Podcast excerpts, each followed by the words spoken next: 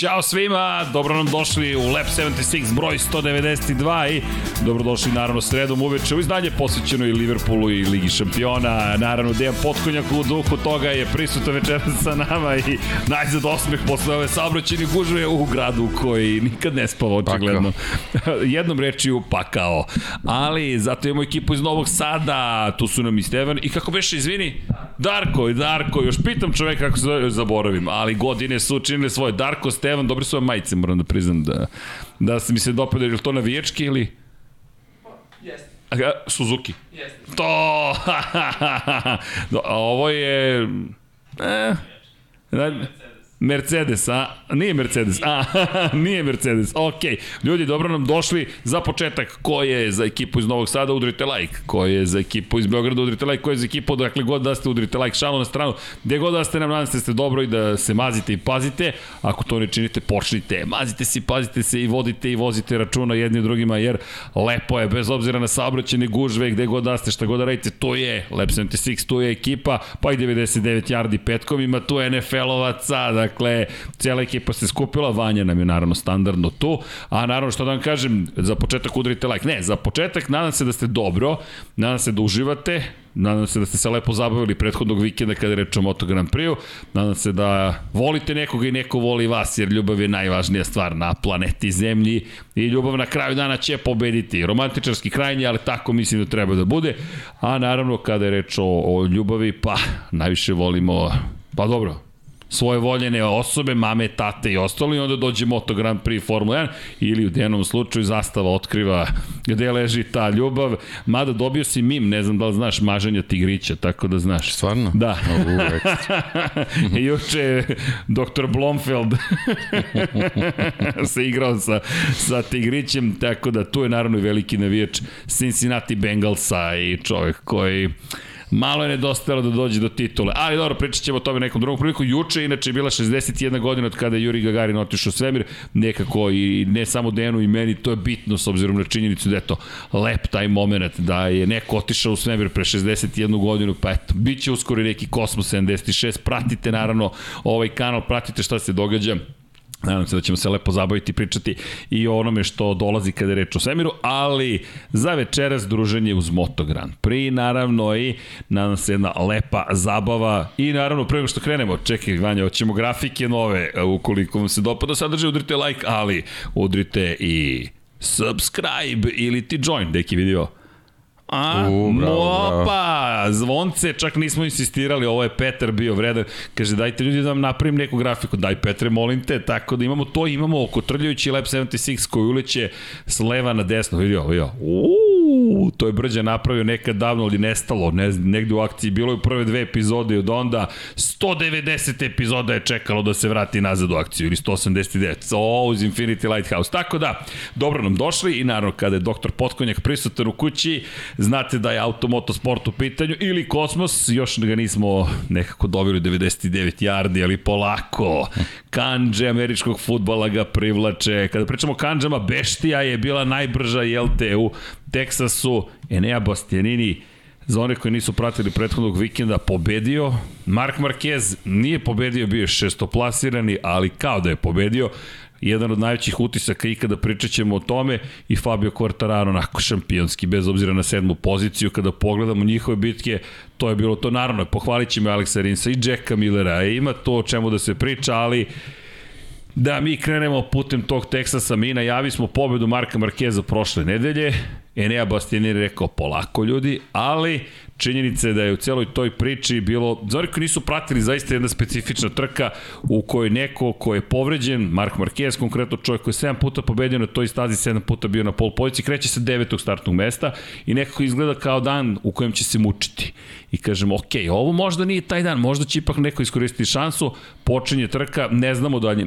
Naš utisak je anti-stall sistem i oni sami kažu nešto se desilo, nije bio pit lane limiter, dakle ograničenje brzina nije uključio Mark Marquez pred početak trke, pa samog sebe zaustavio. Nešto se dogodilo sa elektronikom krenuo je sa zapravo 24. mesta, pretekao 18 ljudi u Moto Grand Prix-u, došao do svetskog šampiona Fabio Quartarara, pretekao ga Fabio Quartararo, uzvratio nekoliko puta, umeđu vremenu je Nea Bastianini pretekao Jacka Millera, ostavi za sebe i Pa do tog momenta Jorge Martina prilično, moram reći sjajnog do tog trenutka, onda je potonuo nekako.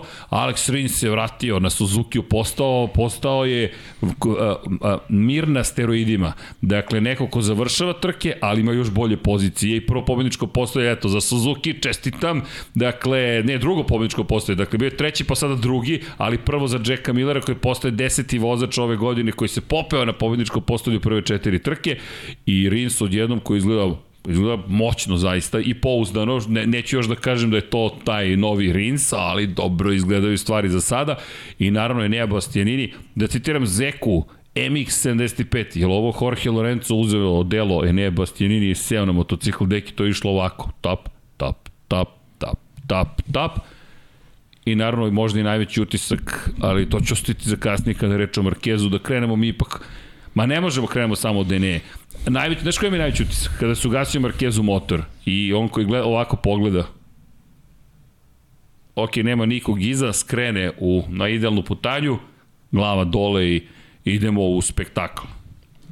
Bukvalno pa, spektakl. Upravo, upravo, to je utisak pre svega zato što je trka tako počela, a generalno smo pričali o tome da je trka bila izuzetno važna, da pre svega vidimo kako je on formi i na šta liči u stvari ta Honda.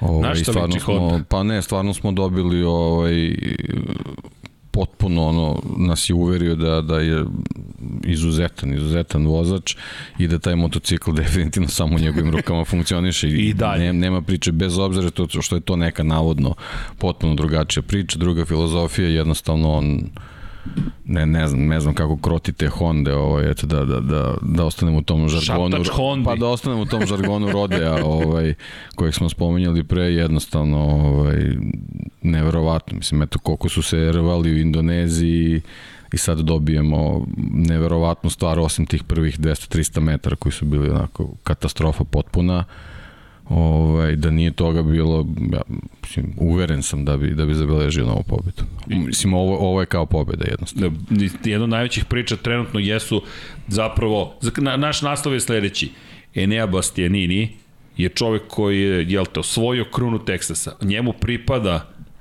kruna Teksasa, s obzirom na činjenicu da je zabeležio triumf, drugi u četiri trke i vodstvo šampionatu sveta je ponovo preuzeo ali kralj Rodea iz naše perspektive i dalje ostaje Mark Marquez.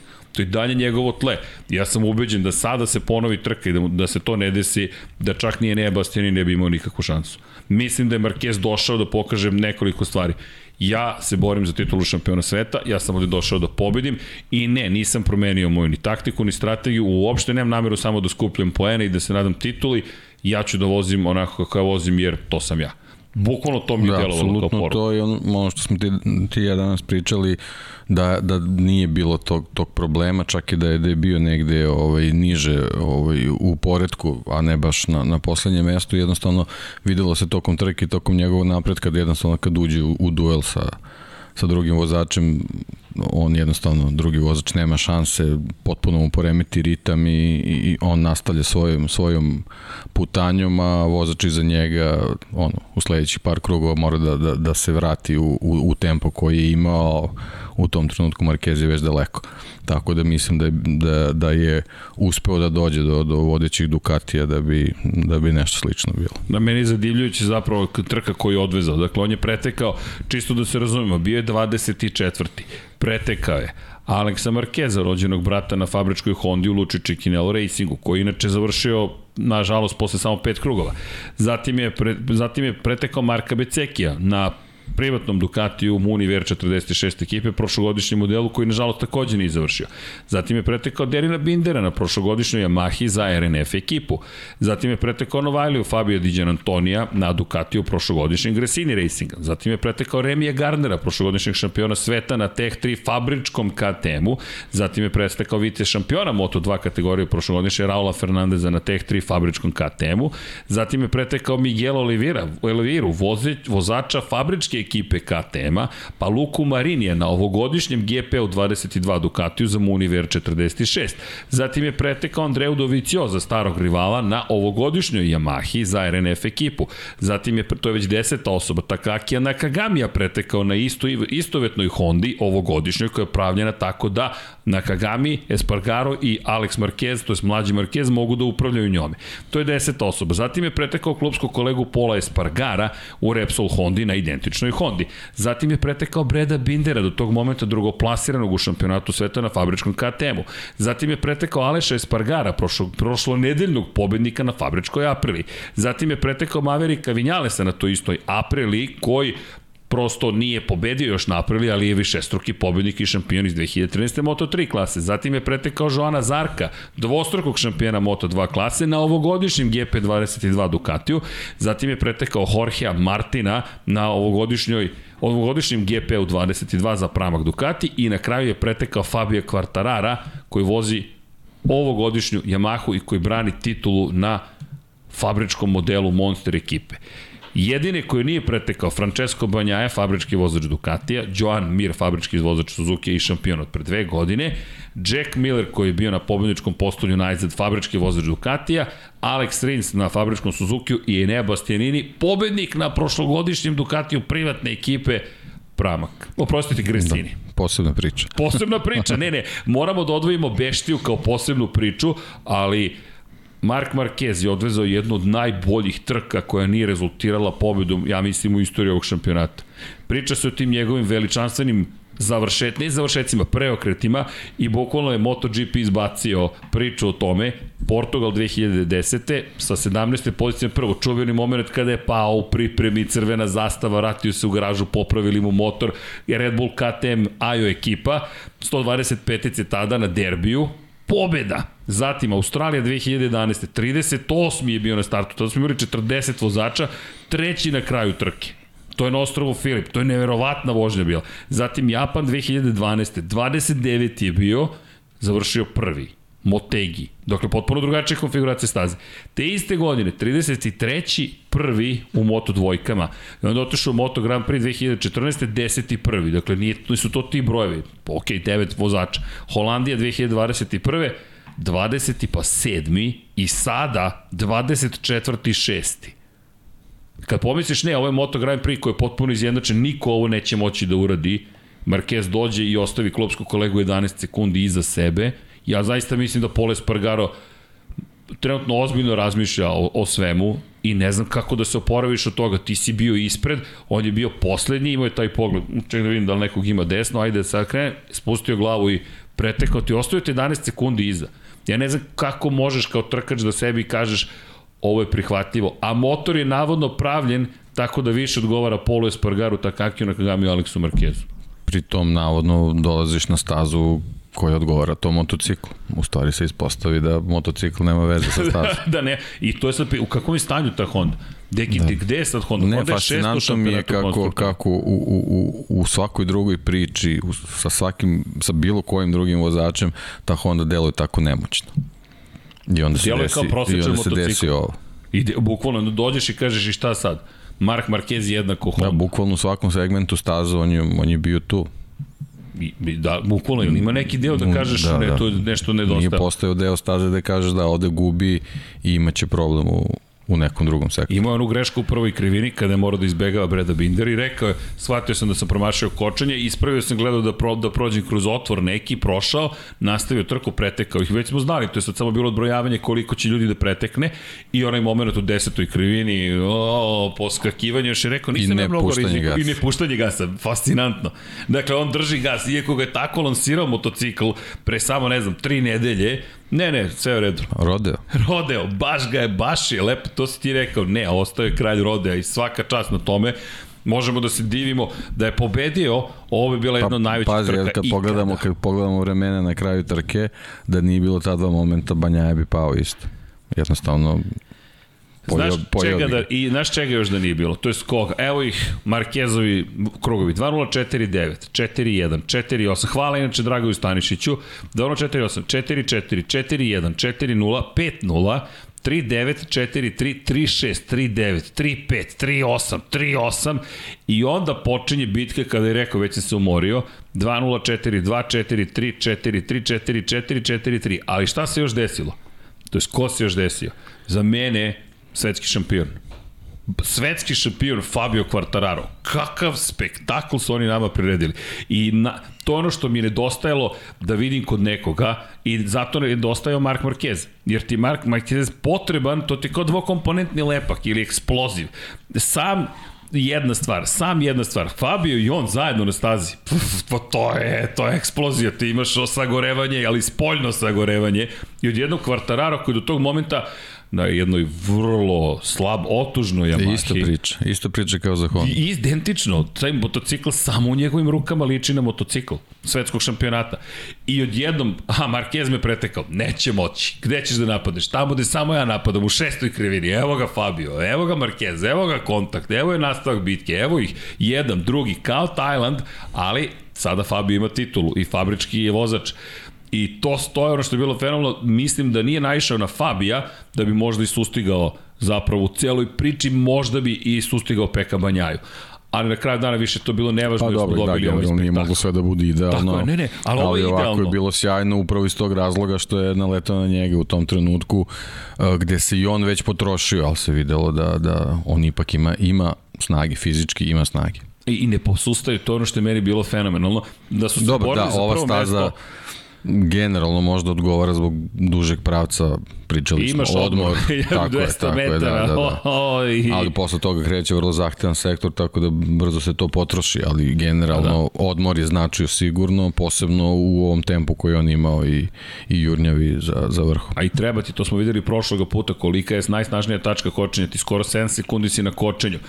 To je bitka, podiže se zadnji kraj i opet ista priča napravljen je motocikl da zadnji kraj bude stabilniji, da ti koristiš više zadnji kraj, da ne kočiš toliko agresivno i naglo, nego da ti ranije kočiš, ranije pustiš kočnicu, preneseš brzinu kroz krivinu. Marquez ga je pretvorio u staru verziju Honda. Marquez je bukvalno rekao ne, ne zanima me, to tako deluje. Ne, i onda nabije prednji kraj, pod zadnji kraj se podiže, ali on uspeva prednjim točkom da uspori i to je jedina osoba koja to uspeva svojim Michelinovim gumama da izvede, kao da vozi Bridgestone, a ne Michelin, i naravno Fabio koji tu nalazi snagu, aha, ti si me pretekao, sad ćemo da idemo u bitku, ma, ona je bila šampionska bitka, bitka dva zaista šampiona, Fabio zaslužuje još veće pohvale nego za prošlu godinu. Da, teško će odbraniti titulu, ali ono što je pokazao pre tri dana u Americi za mene je top klas, to je baš on, klasa šampiona i videli smo dva šampiona, ostali, zaista, pogotovo Pole Spargaro, i potenciram tu priču o Pole Spargaru, izvinjam se njegovim navijačima ukoliko vas to boli, ali ljudi, neprihvatljivo je da on počne trku, da ima toliko prednost odnosno na klubsku kolegu, da je motocikl tako napravljen da on posle prve trke kaže, e, Honda sad ima više od jednog vozača i mi tri trke kasnije govorimo o tome, ne, Pol, nažalost, nema. Voleo bih da je drugačije, ali ja to ne vidim. Ja zaista ne vidim da ima u sebi tu magiju da kaže ne, ne. Šta god da je na stazi, ja ću danas da, da stvorim rezultat. Jer to je ono što se očekuje za prodvača, bez obzira koliko je konkurentna klasa. Tako da, vožnja... Apsolutno mu ništa ne ide na ruku, ništa. ne, ne postoji objašnjenje, e sad opet ono što pričamo u, u svakom slučaju vezano za šampionate ove godine, jako duga sezona, ima mnogo trka, ovaj, ali jednostavno Pole Spargaro i Honda ne mogu da budu priče povremene na, po, po nekoj stazi. On jednostavno mora da ima kontinuitet, toga, toga e, nema. To si mogao u KTM-u, to si mogao u nekoj manjoj ekipi u Tech 3, to si mogao bilo gde drugde. Sada si u Repsol Hondi. Tu se samo boriš za pobede i za po, pobednička postolja i za titule na kraju dana. Sve ostalo ja ne vidim da može da je prihvatljivo. E sad, poseban problem, Honda je šesta u šampionatu konstruktora. To i dalje katastrofa. Katastrofa se nije promenila. Ja i dalje ne mogu da verujem da je Honda tako letargična u kontekstu neke reakcije. Promenili smo ceo motor, ok, šta ćemo sad? I dalje je rezultat isti. Sve si promenio, a ostalo isto. Znaš šta što me podsjeća? Na period Ducatija pre Gigi Dalinje. Mi smo sve promenili Nema više ugljeničnih vlakana, napravili smo aluminijumski ram, doveli smo Rosija, nije uspelo. Doveli smo ljude posle Rosija i dalje ne uspeva. Godinama i onda je došao Dalinja iz Aprilije i tek onda je Ducati počeo da se oporavlja. Meni to tako izgleda, kao da tada su izgubili Stonera pa nije imao više ko da pobeđuje. Honda bolje bi je bilo da zadrži Markeza kako god zna i ume, kao i Yamaha da zadrži Fabio Quartarara koliko god, međutim da želi Nisam siguran šta mogu da mu ponude, šta, još novca? Da bi se borio za šestu, sedmu poziciju, iako je spekulacija dalje tako da će ostati u Yamahi, ja nisam siguran da, da, da može, možda će ostati još jednu godinu i da kaže ok, želim da vidim napredak. Ili do kraja godine da se desi takav napredak, da kaže, neodoljivo me potiče na, na eru Rosija, 2008. 7. kada je Rossi rekao Yamaha, ljudi ako ne popravite motocikl, mi se razilazimo ovde ok, Fabio Quartararo nije Valentino Rossi, ali niko nije Valentino Rossi. Imamo sada situaciju da je Fabio Quartararo Yamahi najsvežiji šampion. On je u grupi malobrojnih ljudi. Dakle, sa Jorgeom Lorencom, Valentinom Rossijem, Vejnom Rejnijem. Mi, mi, ako se vratimo na početak, u ovom milenijumu, ko je svoje titule sa Yamahom? Rossi, Lorenzo i Quartararo.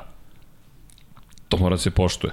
A ta isti Quartararo koliko god govorio, ne govorio ništa protiv Yamahe, ponavlja, dao sam sve od sebe i to je mi to. Ovo je maksimum ovog motocikla. Kad pogledamo do Vicioza, šta ćemo s Frankom Morbidelli? Da. Šta ćemo s Frankom Morbidelli? Ne, Dovicioza je bio onako najiskreniji posle trke, jednostavno ovaj, njegove izjave pokazuju koliko je teško voziti taj motocikl, koliko je fizički teško, a sa druge strane koliko je frustrirajući.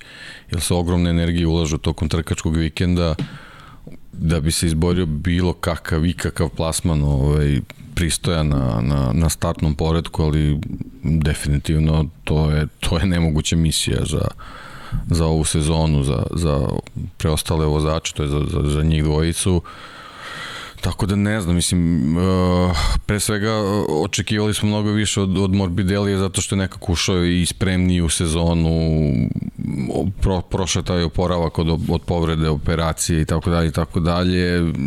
Fabrički motocikl imaš od, od početka sezone, imaš prilike da, da da se uklopiš u tu čitavu priču sa, sa ostatkom grida, posebno zbog toga što je na, na onim prethodnim verzijama pokazao da može da bude brzi jednako kao Fabio Quartararo. Istina, nazdravlje.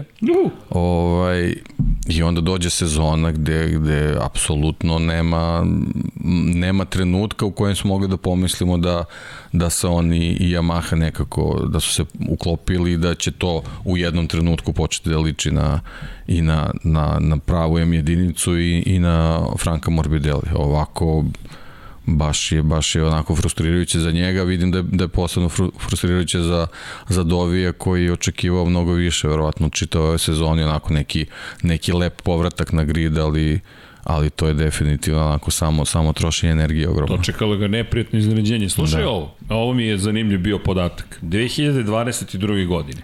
Trka je bila brža, inače 41 minut 23 sekunde. Prošle godine trajala 41 minut 41 sekundu. Vrlo zanimljivo koliko je trka zapravo bila brža. Ali, Mark Marquez prošle godine kada je pobedio. Najbliži rival, Fabio Quartararo na 4,6 sekundi. Banja je bio na 8 sekundi iza, Alex Rins 11 sekundi. Pole Spargaro je zaostao 20 sekundi za Marko Markezom prošle godine na identičnom motociklu. Međutim, Yamahi, šta mi je zanimljivo? Valentino Rossi na Petronas Yamahi prošle godine 28 sekundi za ostatka u odnosu na pobednika. Ove godine na Yamahi Franco Morbidelli 29 sekundi za ostatka. Nisam verovao kad sam video, pogledam podatak i kažem, ne, ne, ovo je nemoguće. Andrea Doviciozo 29 sekundi za ostatka. Dakle, oni su bili na nivou Valentina Rosija u odnosu na Markeza prošle godine. To je u ovom slučaju Bastianinija kao pobednika.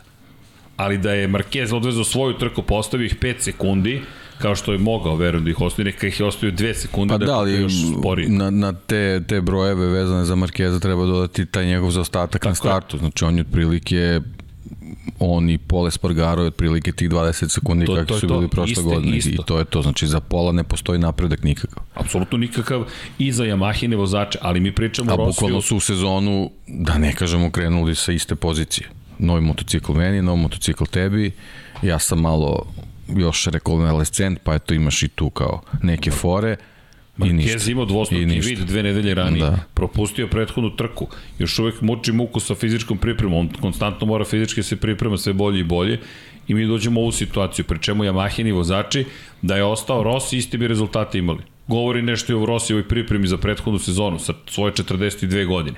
Ali taj motocikl očigledno nešto ozbiljno mora tu da se menja, jer ovo nije dobro. Inače, zanimljivo je bilo i to poređenje sa Suzukijem prošle godine, kada pogledamo Mir koji je bio na osmoj poziciji, Rinsko je bio na četvrtoj poziciji, Rins je bio 11 sekundi iza Markeza. Ok, malo je drugačija sada situacija, ali da kažemo, najbližim rivalima je bio 3, to je 7 sekundi blizu, vidi se ozbiljan napredak kod Suzukija svakako. I još jedna potvrda, inače Joan Mir je bio četvrti, samo da ne zaboravimo, Francesco Banjaja zauzeo petu poziciju.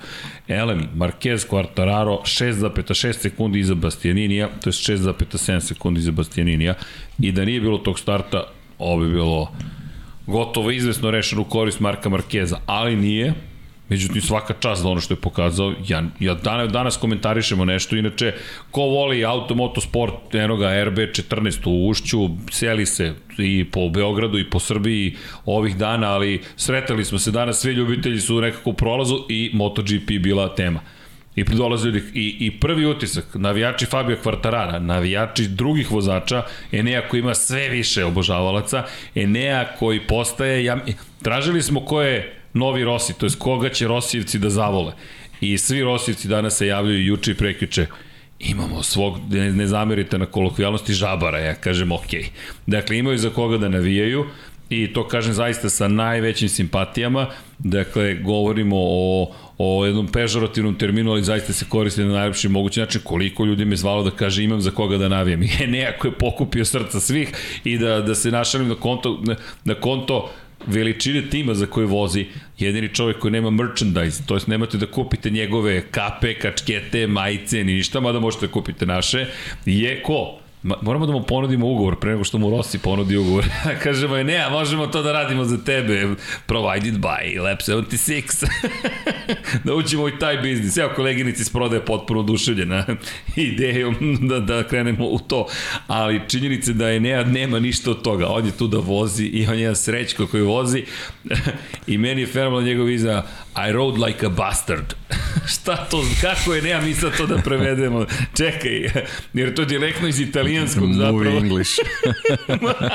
Eli, špageti western u sred kaubojskog teksta sa, i razmišljam, i sad Junkie, ja sam gledao, rekao, Junkie, izvoli, prevedi ovu rečenicu, I rode like a bastard. da li je fascinantno kako je ta vožnja koju on tako opisao delovala tako opušteno. Jeste. Bukvalno u svakom trenutku izgledao da drži apsolutno sve pod kontrolom i da je samo trenutak kad će da odluči da, da ode napred i da napravi prednost kako je napravio. E... I da nije, da nije bilo ovaj, Rinsa da ga pogura pitanje je ovaj, na, na koji način bi on ovaj, uletao u tu čitavu priču sa Millerom, ali je bukvalno bilo ovaj, aha, Rins je tu, dobro, vreme je da, da preskočim jednu stepenicu. Pogledaj vremena. 2045, 2041, 4545, 40, 4240, 46, 4241, 3839. E sad, samo stajka kratka kod 12. kruga. Ako je verovati Enei, i samo ću napomenuti, verujem mu do nekle. Zašto? Kada smo ga u Kataru ispitivali odmah posle trke, dao je jednu izjavu. Kada je došlo vreme da se obrati globalnoj publici, dao je blago izmenjenu izjavu koja mnogo više sakriva šta se zaista dešavalo. Tako da Enea je vrlo inteligentan, promoćuran momak koji zna da ne, mora, ne treba da otkriva baš sve karte. Sad ne kažem da to radi zato što smo ga mi pitali, već mislim da su ga emocije baš u tom trenutku nosile. I potom je promenio pesmu. Sad, koja je bila ovde pesma? Rekao je, nisam mogao da pratim Jacka Millera tokom prvog polovine trke kada sam promenio nešto u svom pristupu prvom sektoru, odjedno sam našao vremena ok, verujemo ti Enea, ali meni dalje delovalo kao da je Enea vrlo dobro znao šta radi zapravo i to što je otkrio da je znao još ranije. Ko zna kad je to otkrio sad? Ne kažem da ne govori u potpunosti istinu, ali možda ne otkrio baš sve. I onda kreće u 12. kruga rezultati. 2038, 2039, 2035, 2038, 2040, 2040 i kad je zatrebalo? 2035, 2038, 2038. Hvala lepo, doviđenja. Ja bih ovde da se pozdravim sa publikom i to je to tačno kada je trebalo, koliko je trebalo.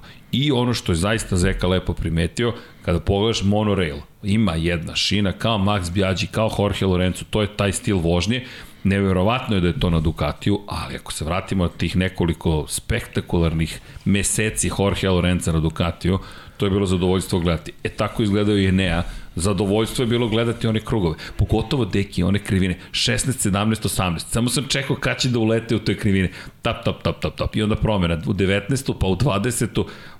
predivno. Da, ali, ali ima taj neki stil, da, da tako nazovemo, to smo videli i prošle godine, da, da bukvalno kako se bliži finiš trke, postaje sve brži i brži da. i donekle na taj način podsjeća na Rosije koji je mleo sve u, u finišima trka. E, tu je razlika između Lorenza, to si lepo rekao, i je baš Rosijevski. Čekat ću poslednjih pet krugova im, imam utisak da to pomalo italijanska škola. Može malo da bude drame. Pa dobro, da, da drama, da ali pobegne. generalno i ono... Kontrolisanost. Što, kontrolisanost, skeniranje protivnika, ponašanja protivnika, drugih vozača. Nema razloga da se u nekoj situaciji bespotrebno troše gume, čuvaju se za finiš trke i tako dalje i tako dalje.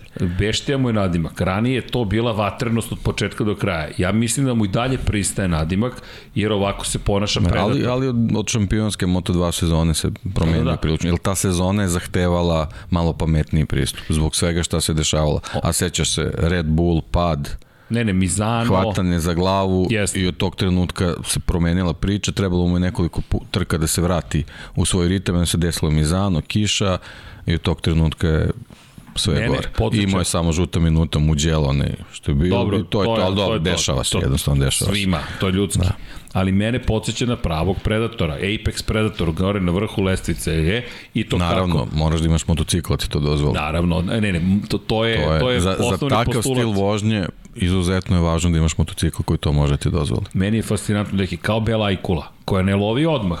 Ne, Bela Ajkula vrlo prvo konstatuje gde je plen, onda malo se tu kruži i onda kaže, ok, sad je vreme za napad. I bukvalno je kružio oko Millera, Tako mi izgledalo. Tako izgledalo. Tako kao da izgledalo, kruži. Da. I kao da Australijanac zaista nema šanse. A ti si surfer, čekaj, dolazim. I bukvalno ga je pojao i Jack je rekao, svaka čast momcima, napravio sam par grešaka, inače porodica Jacka Millera je bila na, na stazi i re, prvi put posle otvaranja Australije dugo je čekao da mu porodica prisustuje trci i rekao, hteo sam da, mislio sam da rudnik zlata kopam danas, ali avaj, nije bilo suđeno, došao je do pobedničkog postolja i bio mnogo srećen i rekao to je mnogo lepo da, da podelim to s porodicom, ali pohvalio je Aleksa Rinsa, mislim da indirektno se obraćaju Joanu Miru, rekao je sa Rinsom uvek imam čisto trkanje, nikad nema incidenata, uvek je sve kako treba, pobedio me, pokušao sam defanzivno da vozim, jer setimo se prošle godine ove, ove staze, kad je hvatao Mira za kacigu. Bukvalno je hvatao Mira za kacigu, jer Mir ovde pokazao, čekaj, znam ja te malo agresivne da, ali poteze. ovogodišnji Suzuki očigledno je toliko napredovao u toliko Taman. promilu da nema potrebe da, da se agresivno vozi. Mislim, agresivno, naravno, mora, mora tako, ali preagresivno, da. Ali, ali Tako baš da, lepo to, bi... Ali opet sa druge strane Rins je doktorirao u stazu definitivno. Znači njegov prilaz 11. krivini izlazak. Ono, savršen. Ali, Mislim da je jako teško ga bilo ko kopira. ali da. jedini koji ide tim putem i gledam svaki da. put rekao, ok, ovaj čovjek ima posebnosti. Zadovoljstvo bilo gledati. Kao ti na igrici, tako. Ti se da, tako ulazi, ne, ne, da. Potpunosti, deki. da. Nego to niko nije mogao da shvati šta radim zapravo, zato da, je to da. tako izgledalo. Ali evo krugova Rinca, 2-0-4-4, 4-4, 4-4, pazi, 4, sve je to, 2-0-4-2, I odmah na početku 3-9-3-9 opet malo bolje kvalifikacije značajno bi pomogli njihovim šansama za pobedu. 4-1, 4-1, 4-1. To je, to je hronometarski. 4-0, 4-0, 4-0. nedostaje tu ne, ne, ima, ima, koja desetinka. Ove. Mora da bude spusti da. ispod toga. Mora da spusti. Da. Ali ali Mislim, mora Suzuki da spusti. Da. Tak, tako je. Ne, neophodno je nešto. Vanja, vanja, vanja, vanja. Izvini, molim te. I onda ide 4-1, pa 2-0-3-9, 4-0, 4-0, 3-9, 4-1. Ako pogledamo prilično ravno. Hvala Dragoju ponovo za, za sve što radi za nas. Hvala svima vama. Pozdrav ekipi u studiju. Hvala vam ljudi. Zaista I mnogo je taj, to, to, to, to lepo kad imamo ovakvu podršku, ovakvu lakšu podršku i onda možemo i ovo da radimo zajedno sa vama, ali ovo je taj prelep pogled na Rinsove krugove i svaka mu čast. I, sa, i taj pogled Rinsa i osmeh Rinsa koji je izgledao 500. plasman na pobjedničkom postoju za Suzuki u, u istoriji fabrike, u istoriji njihovih svih nastupa kroz sve kategorije, fantastičan, po, po, pet, čujte, 500 puta su uzeli pehar u svetskom šampionatu, fantastično i nešto što očigledno njima značilo. I lepo je bilo vidjeti Rinsa i mislim da je lepo što on to krunisao od mira i dalje ne odustajemo, bit će mir i dalje vrlo pouzdan i tako dalje. Nego, ali sada se postavlja možda prvi put pitanje, deki, da li smo najzad dobili Rinsa kakvog smo možda imali, to ono što si ti lepo rekao, prošli i pretprošli put, kakav je trebalo da bude 2020. Pa je krenulo, pad, povreda, da. Pa mučenje, iskreno se nadam da, da je ovaj došlo vreme i za, Pazi, i za njega u, u, u najboljem svetlu. Da, da, da se ne dešava samo da se trke završavaju sa nekim visoko, visokim plasmanom, a da dosta pokušaja završi u šljunku. Ova sezona je krenula mnogo bolje i vidimo koliko su obojica izjednačena, ali, ali deluje da Rins ima tu, tu žicu da, da, da, da, da želi nešto malo više. Da. Mir ostaje u svojim kalkulacijama i definitivno ništa ne može da ga ne, ne, pomeri ne, iz njegovog... da, da, on ima svoj plan, taj plan funkcioniše, on se njega pridržava i vidjet, će, vidjet ćemo da li će doći trenutak kad će njega možda nešto da uzdrma. On je ko plavi kit. Plavo boje samo ide svojim putem, pa polako, doći ćete ribice polako na svoj red ili ako ne dođete, pa bit će tu sledeća sezona. Evo ih vremena Johna Mira, nije baš tako sve bilo izjednačeno, 0-4-8, 4-4, to je 2-0-4-8, pa 4-4, 4-3, 4-5, 4-6. Pa ovde se vidi početak ova 4-4, 4-3 visoko, pet krugova mu je trebalo se iskobelja da. iz tih rezultata, a Rins je to završio posle 3. I bukvalno ta dva kruga koje Rins imao čistija su, su napravila ovu razliku. Sad, onda... posle, posle čak i ovo što je spuštao, već je bilo pomalo kasno. Pa da, da. I, i ako, ali pogledaj opet 7. i 8. 2.04, 0.8, 0, 2.04, 0.8, 0, u hiljaditi deo sekunde imao dva kruga savršeno. 4-2, 4-1. Pa to su pa da prvi krugovi posle ovih pet. Tako je, tako je. U gužvi. I to je to. I onda čist da. vazduh i onda da. malo 4-5 do 4-3 zapravo. Pa 3-9, 4-2, 3-9, 3-7, 3-9, 4-0, 4-1, 4-8. Da. Ali mislim da to već bio. A dobro, ali evo, i u njegovim vremenima i u Rinsovim vidimo što se tiče ove staze, Suzuki je falilo ispod, još koji krug ispod 0-4. Videlo se da... To je to nešto što nedostaje. još uvek nedostaje. Nedostaje, da. nedostaje. Ali videli smo ovaj, u garaži, oni vredno svi ne, Ken pišu beleže, Kavući posebno, Kavući. svi pišu beleže, tako da nadam se svi ovo da. zapisali da. pa da pronađu gde je ta desetinka još. Ne mora, ne mora ni desetinka. Da, da, Ali mogu biti zadovoljni. Ja mislim da, li, da, da Livio Supo radi odličan posao.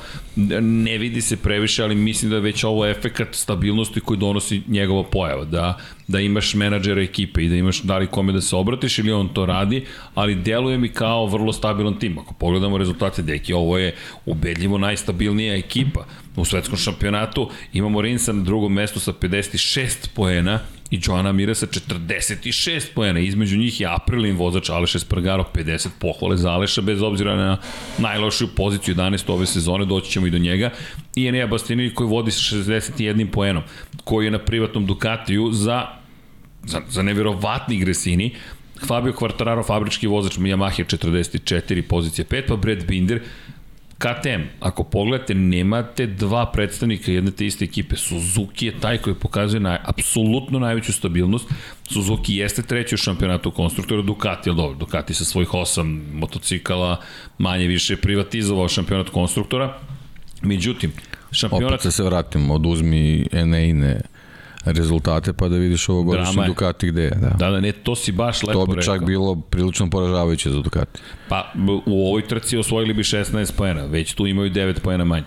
Već tu imaju samo 9 poena manje, 27 njihova prednost odnosu na KTM, koji, zahvaljujući onoj pobedi Miguela Oliveire i sjajnom drugom mestu Breda Bindera i dalje se dobro drži na drugom mestu. Međutim, šampionat timova ili ti sponzorski šampionat ipak nešto govori, makar u ovom trenutku ove godine, tim Suzuki Ekstar, 102 poena, sledeći tim je Red Bull KTM, fabrički tim. E, to je, to je dobro merilo. To je dobro merilo. I to je ono što smo se pitali, gde su nestali fabrički timovi? Samo jedan fabrički tim nije nestao i to je Suzuki. Svi ostali čas ih ima, čas ih nema, Pro, čih me pronađi. Jer ako pogledamo rezultate, da, u ovoj situaciji su se Pa, Jack Miller... ispada, ispada da, da je u, u fabričkim timovima u svakoj trci neki vozač izađe kao anomalija Tako je. u čitoj priči ostalih, kad pogledaš gde su. To onako, za fabričke ekipe nije, ovaj, nismo navikli jednostavno tako bude. Znaš, I da li to uopšte prihvatljivo? Samim tim koliko ljudi smo imali na podijumima, 10 ove ljudi, godine, tako je. 10 tako je. od mogućih Od 12. 20, uh, ne, da, od mogućih 12, ali imaš 24 vozača u šampionatu. Ti, dakle, uskoro ćemo 50% vozača da imamo na pobjedničkom postolju. A od četiri trke, dve su pripale privatnom vozaču. Vozaču privatne ekipe koji je na prošlogodišnjem motociklu. I imaš jednu pobedu za KTM i jednu pobedu za Apriliju. Suzuki, mislim da će se desiti uskoro. Sad, ko će pobediti, vidjet ćemo. Deluje mi pre Rins u ovom momentu, ali ne, ne pa, bih pocenjivo Mira, svakako. Poučeni ovim Texasom, Silverstone ako bude, ako bude idealna situacija sa vremenskim može, može. uslovima, to mislim da jednostavno pokazuje staza, staza kojom odgovara, nema, nema ničega što može da ga uzdrma. Jednostavno to, to Delo je tako. baš dobro. Da. I čekam dobro. ga na Red Bull ringu zbog onog pada. Da vidimo koliko može da uradi tamo. Dobro, to će biti polovina sezone već. To da, će već pa ili da dobro, da izgradi da, samopouzdanje ili... Pitanje je u ovoj, ne. u ovoj konstelaciji sa, sa ovim rokadama vozača u vojstvu koliko će on imati prilika za pobedu, ali na Suzuki je da im omogući da, da ovako imaju dobre startne pozicije i da i da ih vidiš u vrhu pa, trci. Čini se da su naučili iz Katara, kada su mnogo trošili gorivo, to je izgledalo da. spektakularno, eksplozivno, da. visoke maksimalne brzine. Da, ba evo, evo ali... upravo ovi, ovi krugovi što smo, mislim, baš ne procenjava ovo, ovo što imamo. Pet krugova na, na 20 je mnogo da, da ti ovaj, tražiš svoj ritam, da tek u šestom krugu dođeš do ritma. A to je uslovljeno startnom pozicijom.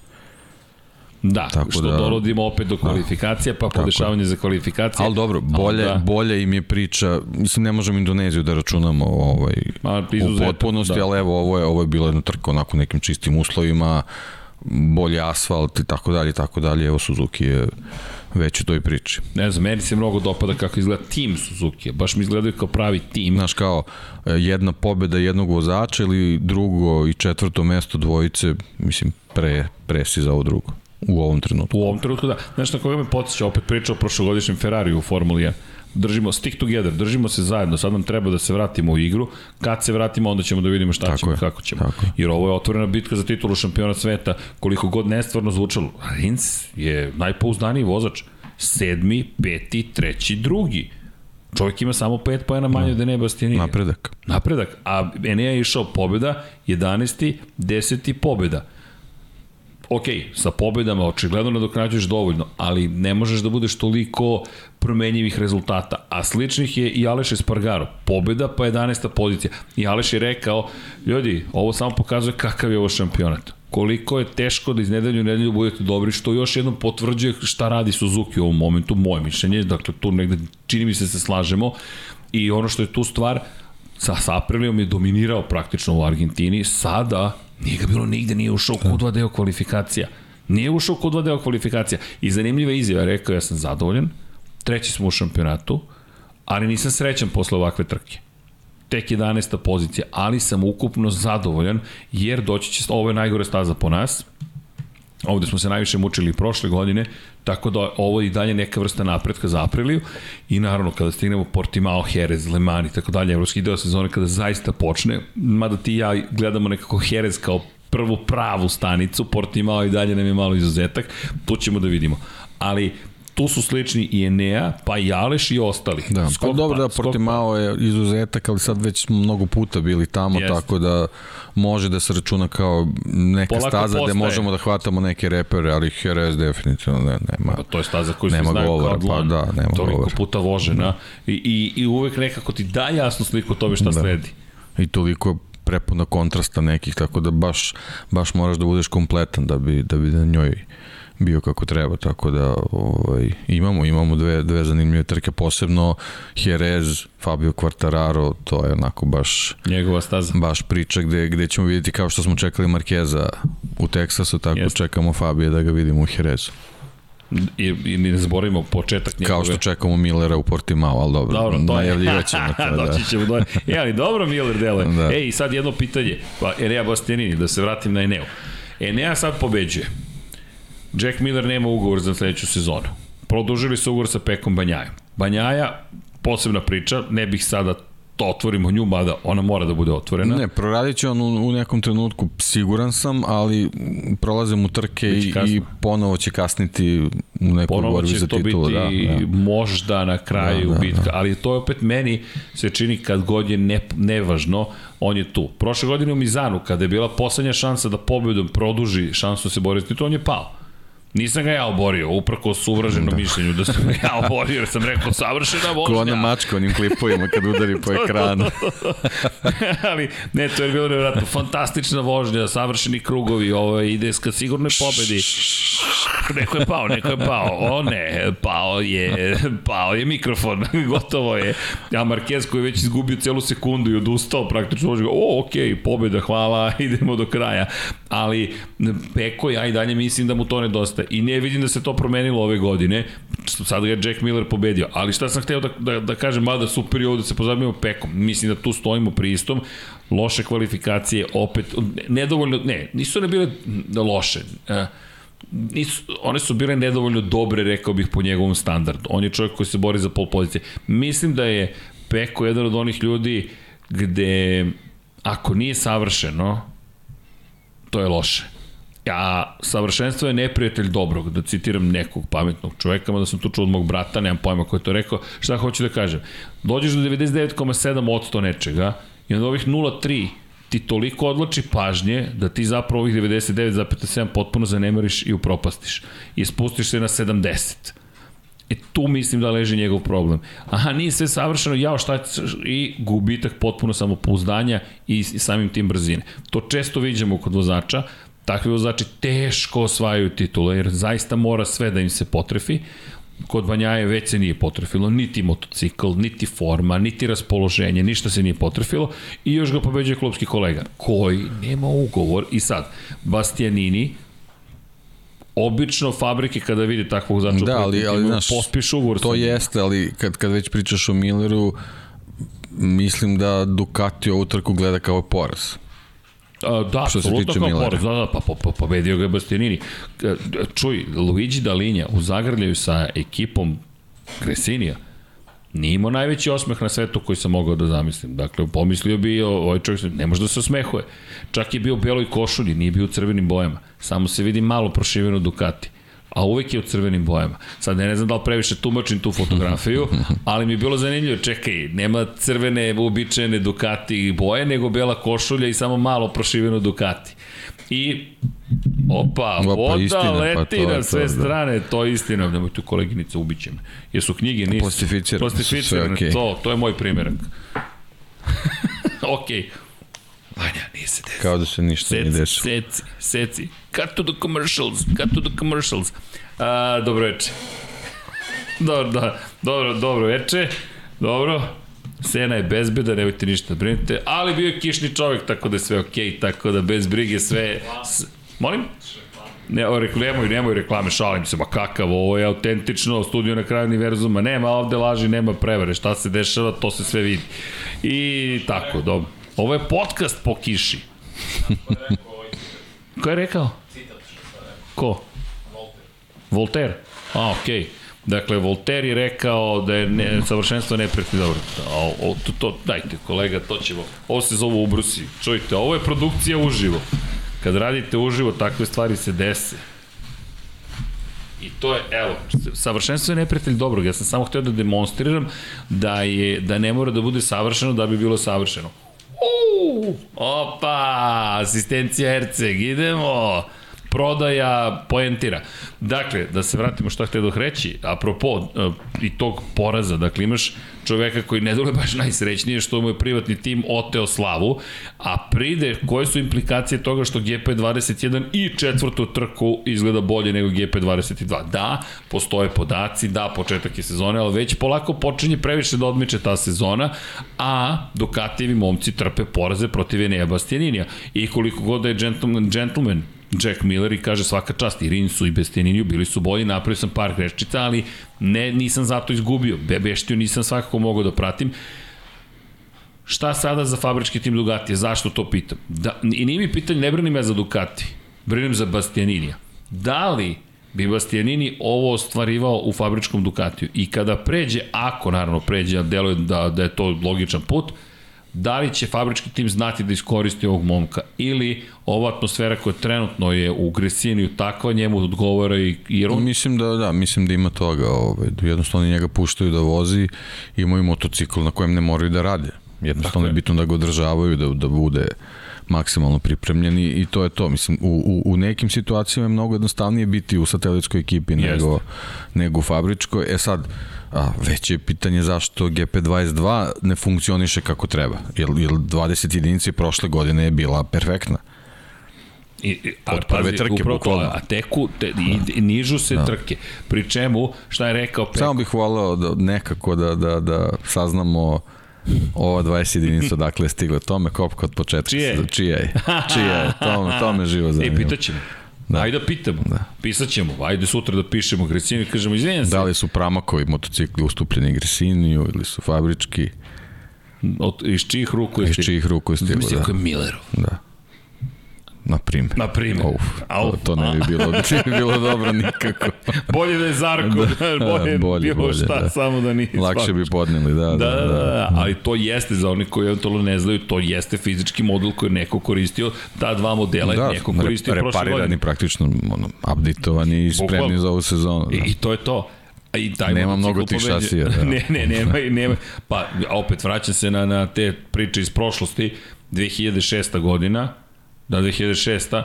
kada su Yamahi tražili Apropo Red Bullovog bolida koji je ovde, to je egzibicioni sada model. Šta to znači? Tako trljajuća šasija je zaista autentična šasija koju je Max Verstappen koristio. Ali u njoj nema motora, nema menjača, nema hidrolike, nema kočnica, nema, nema aktuatora za DRS i tako dalje. Isto tako, Motocikl kada završi svoj životni vek ide kao showroom motocikl, se vozi po svetu. 2006. su oni poslali šampionski, motoc, šampionski motocikli Valentina Rosija po svetu. Kada su shvatili u Le Manu da bi bolje bilo da se vrate staroj šasi, oni su pre toga bušili inače bušili ram Yamaha M1 2006. i sipali pur penu u njega kako bi dobili fleksibilnost flex, taj čuveni bočni, a opet zadržali čvrstinu, to je krutost, dakle, potpuno bizarno. Sad zamisli, odeš u lokalnu prodavnicu i uzmeš pur penu i kažeš zašto treba za šampionski motocikl Valentina Rosija. Okej. Okay. O, ne verujem ti, ali to su radili. Na kraju su shvatili, ne, mi moramo nešto da uradimo i onda su jurili po svetu te motocikle, vratili ih, iščupali iz njih utrobu i gurnuli utrobu za 2006. i napravili neki hibrid koji je radio. Isto je Honda radila sa Marquezom 2015. godine. Samo što ih nije poslala kao da. show motocikle. E sad pravila to baš i sad se ne dozvoljavaju. Ne dozvoljavaju da. I ovo je sad cijel jedan motocikl koji je dobio Enea i to je nečiji motocikl bio. Samo što kaže deki ne znamo. Zato to, to je zanimljivo da saznamo. E ne, čiji motocikl voziš? Da, opet sa druge strane da, da ne, ne umanjimo ovaj, njegove, njegove dostignuće na, ne, na tom ne, motociklu, ne, ne. samo pogledajte njegovog timskog kolegu. Fabio jeste da, Novajlija, znači, ali taj da li ga nema. funkcioniše kod Dene, funkcioniše kod Becekija, bez obzira što je, što je pao. Ali ali vidi se da Bec polako, limite, da, da, da, ne, ne, Bec polako, ipak je Novajlija, on polako razume, razume o čemu se tu Tako radi, a, a dok, dok Diđa ovaj, malo smo više očekivali ovaj čitav, u čitavoj toj priči, tu njegovu sreću i dolazak, ovaj, plašim se samo da, da ne bude, da, da se ne razočara. To je, to je samo Posebno, posebno po, zbog drugog dela garaže. Po kojoj slavi, da, samo ne, ne treba biti nestrpljiv, eto, da. to, je, to je bitno. Pa opet ona čuvena priča, da. moramo da sačekamo celu da. sezonu. Tako Neka, je, ovo je, ovo je baš sezona. mali uzorak. Da, ali mali mora da uči, uzorak. mora da uči. Kao i za Beceki, baš je mali uzorak. Ne. Znaš na koga meni liči Fabio? Na Dijan Antonio, na pobednika Moto2 trke Toni Arbolina podsjeća me na tu priču, e, padovi greške, padovi greške, pa onda će možda da se nešto desi pozitivno. Ne kažem pobeda nužno, ali ko zna, vidjet ćemo. Ali u svakom slučaju činjenice da ono što radi Bastianini jeste posebno. Dakle, nije dovoljno, da, moraš da imaš motocikl, to je preduslov, preambula, dobar motocikl, dovoljno dobar motocikl, ali ovo što on izlači iz tog motocikla je spektakularno. Jer, prošle godine na ovom mestu, kad se vratimo, opet rezultati iz 2021. i pogledaš ko je tada bio najbolji, kažeš, aha, Fabio Quartararo, 4,6 sekundi. Francesco Banjaja 8,5 sekundi, ali Francesco u toj trci praktično nije postojao u momentu kada je morao da pobedi Fabio Quartarara. Tako da, nije da je Ducati ovde bio nešto spektakularno odjednom. Jorge Martin je bio peti, zaostao 11 sekundi. A inače, Nea 13 sekundi prošle godine ovde zadostajao. E ne i ova staza očigledno je prijela. Kao i Mizano, imam osjećaj da sve staze na kojima imao dobre rezultate prošle godine će ove godine pretvoriti u pobede. Znaš, da to mi tako izgleda. Dođeš u Mizano, e ne i na pobed. E to sad postaje njegova staza zapravo. Kad stignemo u Mizano, ja mislim da ćemo svi gledati u Enea ovako, jer E pa to, ćemo, to će biti ispit za njega, kad krenu onako sve oči da budu uprto njega. Za sad od njega i dalje niko ne očekuje nešto spektakularno. On je sa onom prvom pobedom praktično završio sezonu što, što se tiče njega i Gresinija. Ovo sve ostalo je bonus. E sad, ako se krene neku drugu, drugu dalju priču, ako oni postanu ozbiljniji u želji da to urade, jer evo vidimo i, i naše kolege u, u raznim svetskim medijima već ga stavljaju u koši sa ajde da kažemo najsvežijim Morbidelijem koji ima šansu da na satelitskom motociklu osvoji titulu ovaj, u priči bio Marko Melandri, Sete Gibernau, znači to je, to je sad ta neka ekipa vozača gde te svrstavaju, to su, mislim, možemo da ih kažemo legende ovaj, Moto Grand Prix-a, ti si sad već u nekoj toj priči sa njima, ovaj, poisto većujete sa ljudima koji su isto imali šansu da na satelitskim motociklima dođu do titule, sad, znači sad već postaje neke dodatne rečenice koje do sad nisi imao ovaj, u, u nekoj priči o sebi. Vidjet ćemo kako će on to sada, da li će tu svoju glavu koju koristi za trke, početi da koristi za te neke stvari van staze da ga ne bi poremetile, ali Imamo, ono, imamo još mnogo trka. Ono što je ovde rekao kada su ga pitali da li misliš da možeš da osvojiš titulu, rekao, ha, s ovim motociklom moguće je, ali ja se time ne bavim. Tako je. Znači, bukvalno motocikl pokazuje da apsolutno, znači njegov motocikl mu daje više za pravo da, da razmišlja o tituli nego što je Franco Morbidelli ne, Franco, u borbi sa, sa Mirom pa imao pa neke šanse. Franco je bio vice da. šampion, da. ali nije u nijednog momenta delovao kao čovjek koji će zaista osvojiti titulu. Više delovao kao, kao čovjek koji će biti drugi u šampionatu to je najbolji od ostatka sveta. Ja, ja se ne sjećam deki da smo ikada pomislili Franko će odjednom da bude šampion sveta. Franko je, ne zaboravite, išao, jednostavno njegova konstantnost je dovela do druge pozicije. A nije kao Quartararo pa, poveo na početku sezone. Ta cela sezona je bila borba konstantnosti. Na kraju krajeva dobili smo šampiona koji je šampion sveta postao zato što je bio šampion konstantnosti. Jeste. A ovo je sad već ovo je već sad neka performansa koja se učitao kroz pobjede. Da, i Mir ne može više tako. Ako hoće tako titulu, je, tako. mora da ide na pobede. To je ono što međutim lepo, mislim da. da si, ako se ti dobro razumeo, rekao za Rinsa, Rins ima prednost po tom pitanju. Po tom to pitanju, mi je da. kao opet analogija sa, sa, sa, sa Formulom 1. Leclerc Sainz. Da. Ovo je pouzdan, ali ovo ima taj vatreni moment. Sada imam motocikl. Tako je. Tako je. Sad to je ta vatra. desetinka. To je ta desetinka, desetinka bukvalno. Da. I to se i vidi. I vidi se po Rinsu. Meni zaista deluje kao da je on čovjek koji prosto, od kad je postao tata, kao da se smirio. Ne smirio, stabilizovao. Sećaš se i Mirove pobede? Sećam se kako ne. To, to nije bio charge. Ne, ne, to je, a, a, i onda greška koja je otvorila vrata, da Tako nije je. pogrešio Rins. On, on, bi, on bi sedeo bi. Sedeo bi, verovatno. Da, da, da, da, da verovatno bi sedeo i rekao, ok, to je 20 poena, hvala lepo, to to. u redu je, nema problema. Ali se otvorila, Rins je malo dobio otišao na 11. krivini, ne, 10. i to je bilo to. Ali, ok, Benea, lepo govori, pametno i rekao ja za sada uživam. Ja ću da se fokusiram trku po trku, pa ovo očigledno da ovaj motocikl sposoban za to.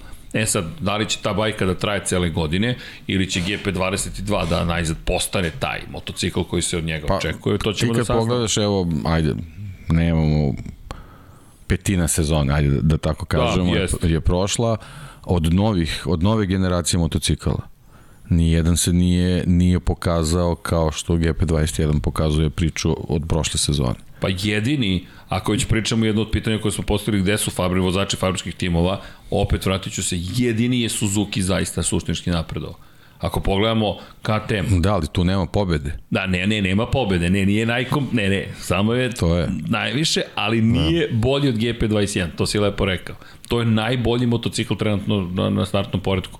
KTM, gore dole. Pa ne, evo, evo, čitava priča pokazuje da je GP21 najbolji motocikl ove nove ere. Do sada, Do sada je konstruisan. najkompletniji. Tako je. Ne, ne, baš lepo rečeno i to, možda ćemo se diviti još više GP u 21 na kraju sezone. E sad vidjet ćemo da li će... Treba uzimati makete, knjige o njemu i tako dalje. Da, Tako da, dalje. GP u 21, da, da, da, to treba da uradimo definitivno. Treba proučavati motocikl. da, da, ovaj GP22, mislili smo da je to sledeće... Pa kao evolucija to, to. neka, ali Ne, pokazuje se kako nije uopšte lako napraviti dobru evoluciju. Da, lepo rečeno, baš lepo rečeno. I, i činjenica, evo vidimo kroz rezultate. Pa i apropo ostalih, Aprilija, na određenim stazama bit će moćna. Na ostalim bit će tu negde. KTM, ja mislim da to više nema veze s motociklom, ja mislim da to je do vozača, bukvalno tamo je tamo varira od raspoloženja Oliveire i Bindera i to je manje više to to je moj utisak zaista jer ne znam kako bih tumačio ovaj motocikl ono što si ti rekao gledaj vozača broj 2 otprilike šta da gledamo svi su na Da, začelju da, bili. nema, nema, nema te neke ovaj, egzaktne podele. I ne samo to jel osjećaš neku da. strast u kontekstu toga da se oni nerviraju zato što su negde nisko Ili, ili su super happy kad pobede. da da ne ne Nema ni toga. ne ništa Da. Zašto, stalno je Sad su pobede emocija. su već kao ne, nešto što je kao ok, ali uopšte ih ne koriste da, da, da pokrenu da tim. nešto pokrenu. To, to da, nema da, motiva, da, da. motivacije, kao da stoje, kao da ih, jer ako, ako gledamo kao neki točak koji se pokreće, pobediš pa to gurne gornji deo točka, Ja, koliko je, izgubiš koliko pa je te strasna natera. bila pobeda Aleša Espargara, za razliku od pobede Pa ne. KTM-a. Pa znaš koliko ljudi me zvalo? Znaš koliko ljudi Više si, zvalo? više si ti Ma uzbudio ne. zbog pobede Breda Bindera nego on ne, sam. Ne, znaš kad se najviše uzbudio? Za Miguel Oliveira kada je tek Da. trojici donao. E, dobro, da, to je bilo, da. Da, da, da. Kako je Jest, to bilo? jest, I Portugal i teh 3. Ali KTM, da, vjerojatno sam se ja više uzbudio od Bindera u Češkoj pre dve godine. Što nije tako teško, ali Da. okej. Okay. Ali, ali, ali da, I Čovjek Aprilia. je višestruki pobednika, ne možeš da ga računaš kao Ne. prvog vozača, niti Oliviru koji takođe višestruki Ne znam pobednik. ko je uopšte prvi Oni imaju vozač. višestruke pobednike u svojim Da. redovima i, I ništa, je to. opet ravna linija. Sve. Da, pravna linija. Da. Kažem ti, ako imamo točak, pa sad gornja strana je pobjeda pa te pokrene, a donja strana je poraz pa te to pokrene si se naljutio, ovde kao da to se vrti samo po sebi, vrteće se samo po sebi. Ne vidim tu vrstu, bilo kakve vrste motivacije, ali s druge strane, izgo... ne, znaš koliko ljudi me zvalo? Svih mogućih navijača, svi su bili navijači Aprili na, na to, toga dana i na trenutak oduševljeni potpuno, pri čemu razmišljam zašto je zelena boja postala obeleže za Apriliju, nemam pojma, vjerojatno ih obeležavaju zelenom bojem, crn motocikl, crvene boje korporativne sa belim, ima malo nečeg zelenog, svi Pa ne, April... generalno kroz istoriju, kad se vratiš, nema puno Nema veze sa zelenom bojom. Ja nosim zelenu majicu, lepo se, a to zbog Aprilije. E, okej. ne, ja sam pomislio to je zbog Aprilije, ali to je grafika koja sa leve strane obeležava zelenom bojom Apriliju, koja to je postala zaštitni znak Aprilije. Da, Ko koja moramo se, razaznamo. pojavljuju tragovima u natpisu Aprilije. Napisao Aprilije, bukvalno. Jer ja mišljam, Pa šta ti je sudbina, postali su zelena boja, jednostavno, ok, prihvatiš i kažeš vozi, crveno Ducati, pa nema šta, žuto Rossi po defaultu, crveno eventualno Marquez, plava Suzuki, Da. znaš, crna, nisam Pa pomislio da, na stvarno kad Apriliju. pogledaš i, i, u, i u prošlosti, recimo kad Đivatu su bili crveni motocikli, Crveni. trkačka boja italijanski, sad Italijanski se pojavi Aprile zelena. Za... Zašto? Jeste iz Britanije, ne razumem. Jeste Aston Martin, da. Da. kakav bi trebalo da bude. Da, ali to je neka druga priča. Ali činjenica, nekako te strasti kod KTM-a kao da, kao, da, kao da je nema. Kod Yamahe makar vidiš očaj. Makar vidiš da su očajni, svi su očajni, manje više, svi su nekako tužni, ne znam, zbunjeni. Suzuki mi deluje kao najveseliji tim. Ken Kavoći kao jedan veliki d- čov, srećni čovek koji jednostavno i kad je teško, to je to. Ali Ken Kavoći, inače, na, na početku sezone, njemu smo prišli kao, Ken, lepo izgleda motocikl. Thank you. I kao, deluje da će biti dobar. I bukvalno čovek, uh, nadam se. Znaš, ti vidiš čoveka koji, kome je stalo. Da, a i, a i generalno i, i ta, ta njegova konstatacija, nadam se, ovaj, bukvalno pokazuje, zaista niko nije mogao da, da, da pretpostavi šta možda ih očekuje Da, u da, da. sezoni. Odlični, pazi, drugi i četvrti u šampionatu sveta i sve više poena. Jer sad smo već prešli kotu 50 poena. Sad već pričamo o tome da idemo lagano, jer vidi, hajde se vratimo na trenutak u prošlu sezonu. E, Ne živi se u prošlosti, ali činjenica da neke rezultate moramo da pogledamo. Jer kažemo, čekaj, u ovom momentu, dobro, ne možemo da poredimo Ameriku iz 2021. jer ona došla mnogo kasno, ali ako se vratimo malo u nas, treća trka inače bila Portugal.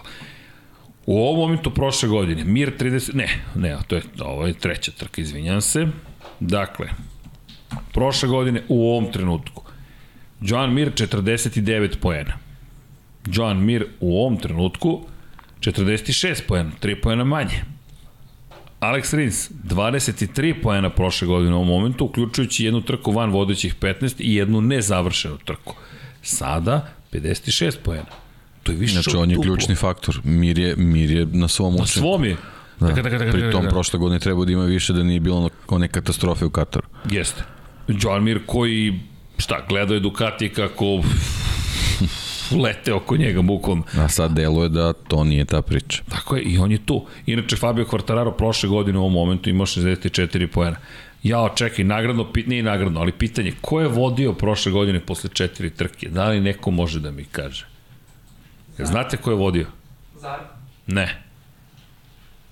Ne, Zarko je pao Ja sam šokiran ja sam ovo Kako? zaboravio. Zarko je pao u... Zarko je pao u Portugalu. Portugal, da. Ja ne znam da li možete da pogodite. Nemoj da gledate, ako je neko na četu, neka ne gleda, neka napiše bez gledanja. Posle četiri trke. Ja sam šokiran, upravo sam shvatio da to gledam. Bukvalno. I, o, o, frapiran sam. Banjaja, tako je Matijaško. Banjaja je vodio posle prve četiri trke. 66 poena imao, Kvartararo ima 64 poena. Dakle, to je prošla sezona. Banjaja je imao 66 poena, to sam potpuno zaboravio. A Banjaja je bio Da, pričali smo kako start prošle sezone mu je Razumeš? pokvario borbu za titulu na kraju. A bio je da. treći, šesti, drugi, drugi. Ali bez pobede. Jurio je tu prvu pobedu i posle četiri trke bio na poziciji broj 1. Sada, Peko Banjaje 12 sa 23 poena. Dva peta mesta, jedno, jedno 15 i jedno nezavršena trka. Gde je Fabio u odnosu na prošlu godinu? 44 poena. Enea ima 61 poen i prošle godine bi bio treći u šampionatu sa 60, sa 61 poenom. Ali bi bio tu, 3 poena iza Kvartarara, 5 poena iza Banjaje. E, i tu smo već bili stigli u, u Jerez, ali samo mi je fascinantno zapravo Banjaje u, u ovom trenutku vodio. Da, to sam potpuno zaboravio, pazi, uopšte mi nije palo na pamet. Inače, Aleš Espargaro koji je rekao, imamo šansu mi da se borimo za titulu. I mislim da smo u velikoj meri, koliko god da je Marquez bio spektakularan, Marquez mislim da neće sad moći da dominira Portugalom, Jerezom i tako dalje. Mislim da će moći da se bori za visoke pozicije, ali ovo je njegova staza. Ovo je prosto njegova staza. Iz kojeg god razloga to je njegova staza. Tako da ovaj šampionat potpuno otvoren. Svima je otvoren. Još uvek živa fantazija. Ali da se vratimo na ovo sa Suzuki. Suzuki najkompletnije deluje. Šta smo rekli Aprilija? Pobeda pa će pasti. Honda, nemamo pojma šta će biti s Hondom. Samo zavisi od Markeza i Yamaha. Samo zavisi bukvalno od Fabio Quartarara. Tako je. I to je to. To, to je bukvalno priča u ovom momentu u šampionatu. Ti pogledaš i kažeš, to je to. A Ducati, titula mu zavisi od privatnika. Jer, gde je najbliži Ducati je vozač posle Enea Bastianinija. Rins je drugi na Suzukiju. Aleš Espargaro na Apriliji je treći. Četvrti je Joan Mir na Suzukiju. Peti je Fabio Quartararo na Yamahi. Još veća pohvala za ono što je učinio. Šesti je na KTM-u Brad Binder. I tek onda dolazi Jack Miller koji ima 30 poena manje od Enea Bastianinija. Ducati bukvalno zavisi od Enea Bastianinija. Da, mogu da se vrate u igru i Miller, i Banjaja i tako dalje, ali to je već sada za ostatak od preko jedne pobede odnosno na privatnog vozača Ducati. I apropo ovoga što si rekao, GP21 koliko je moćan. Da, znači, ono, plastično i slikovito, ba, Bastianini ne mora da osvoji bodove na sledećoj trci, ali obojica ne mogu da pobede Pobeda, na, da, na i, sledećoj i trci. reći, približit će mu se na maksimalno Tako je. 5 pojena razlike Tako neko iz Ducatija, To je, ako to je baš ozbiljna prednost. Ozbiljna prednost. I zato je Nea Bastianini koliko god priča o tome, ne, ja uživam u trkama, čekaj dečko, čekate test. Dobro, polako. Ali da, polako. Kažem, vidjet ćemo kad, kad dođe neki trenutak da, da se i razmišlja o tome, vidjet ćemo ovaj, koliko će ta ozbiljna situacija da uzdrma i njega i ekipu. I šta ćemo s drugim vozačima? Šta će, ajmo šta će biti s Hondom. Šta, šta sada za Pola Espargara? Pola Espargara je 11. u šampionatu ima 23 poena. Mark Marquez ima 21 Pa Pola Espargaro, poen. ne, ne možemo, kao što si rekao, vozač je Repsola, ne možemo sad da čekamo da će biti dobar u Jerezu, pa će biti dobar u Aragonu, pa će, ne znam, biti dobar ne, ne znam ni ja gde, mislim, jednostavno on mora na svakoj stazi da bude dobar.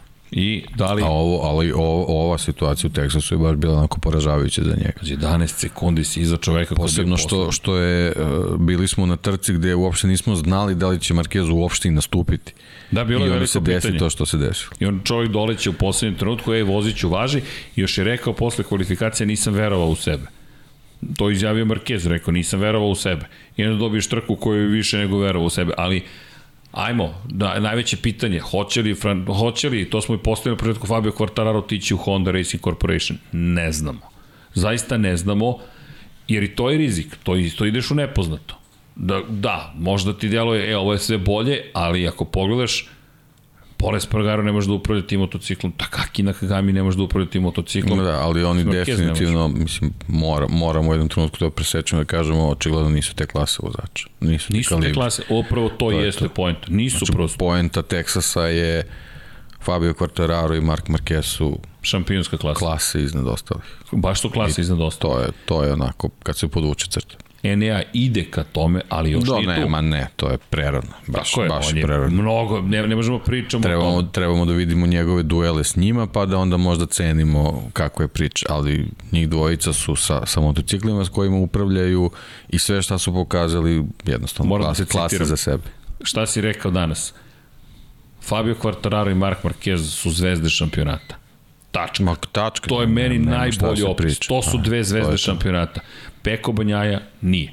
Može, mogao je da bude, ima potencijal da bude, ali ovako se ne postaje zvezda šampionata. Znači tebi i dalje priča da sve su oči uprte u Fabio Quartarari šta će onda uradi i njegovim rezultatom se meri bilo šta i sa druge strane svi čekaju povratak Mark, Mark, Marka Markeza, njegovu po, po, pobedu, šta će da uradi ovde ili on. Znači dalje se priča o njemu i, i nema šta. On, on kad, kad dođe na stazu, on je taj, ono, 50% vremena kamere na njemu. Nema šta da se priča to. Dobro, to su nam zvezde. Maverick Vinales bitku neku bije u aprili, dobro, Maverick deseta pozicija, okej. Pa dobro, da, okej. Okay. Nešto pristojno iz perspektive poena, ali to Mislim, za njegov renome ništa specijalno, ali ajde, ajde. još uvijek Dajemo mu izmišljamo priliku. na neki način. Vidim, ne, ima ovaj nekih komentara da ga ja ne volim ili ne znam šta, ne, nego jednostavno me nervira što čovjek sa, sa tolikim potencijalom ne pokazuje ništa. To, ne, je, ne. to je u stvari glavni Ovo je na problem. nivou Valterija Bottasa. Znamo da možeš više. Zašto ne ostvaruješ više? Ne, nije to ljubav ili Pa ljubav. u, u, u nekoj konstelaciji vi, mnogo više od Val- Valterija Da, mnogo više. Mnogo ovo, više. ovo je neko ko je trebalo da bude šampion sveta. Da. Moto Grand Prix klase. A ne da nije, nego pokazuje ponašanje vozača Moto Pa 3 ne, eto, klase. kroz čitavu karijeru Moto Grand Prix pokazivao kako beže od izazova praktično. Ne, meni on kao da je ostao u Moto trojkama, iskreno. U jeste svoju titulu u Moto trojkama, ali bukvalno imam taj utisak kao ti vozači koji, e, znaš, ti bi mogao, ali, e, imaće jednu lošu trku pa ću se popravim. Ne, to možeš u Moto 3 klasi, ne možeš. Ono što je ironije je da je on Moto, da je tu titulu osvojio tako što nije bio popustio ni jednog momenta. Bio je prvi, drugi, treći, drugi, treći, drugi, treći, prvi, drugi, treći, drugi, treći, prvi, drugi, treći. To je najlegendarnija sezona svih vremena. Evo, sad, sad, će, sad je 10, sad će 9 godina od te sezone. Ko nije pogledao borbu za titul 2013. godine u šampionatu sveta Moto3 klase, ne zna koliko je to neverovatna jedna generacija vozača. Tri vozača koji su se borili za titul. Maverick Vinales koji je postao šampion, Alex Rins koji je bio vice šampion i treće plasirani Luis Salom koji je nažalost izgubio život tri godine kasnije u Barceloni u Moto2 klasi. Njih trojica, to su bile pobede, druga mesta, treće mesta, samo su između njih trojice menjale se pozicije ja ne sećam se da je, da je postojala, da je postojala klasa vozača koja je tako izgledala. Luis, nažalost, nikad nije došao do toga da nam pokaže u Moto Grand Prix šta je mogao, tragično izgubio život, ali Rins pokazuje, evo to pričamo danas o Rinsu i pričamo o Mavericku Vinjalesu. Ta generacija, najbolje sezone svih vremena. I kulminacija tako što se titul osvoje u poslednjoj krivini poslednjeg kruga, poslednje trke. Pa ne, ne postoji i bezobrazni Maverick Vinales koji je čekao i tu napao na kraju. Luis Salom koji je napravio jednu veliku grešku te sezone na poslednjoj trci godine.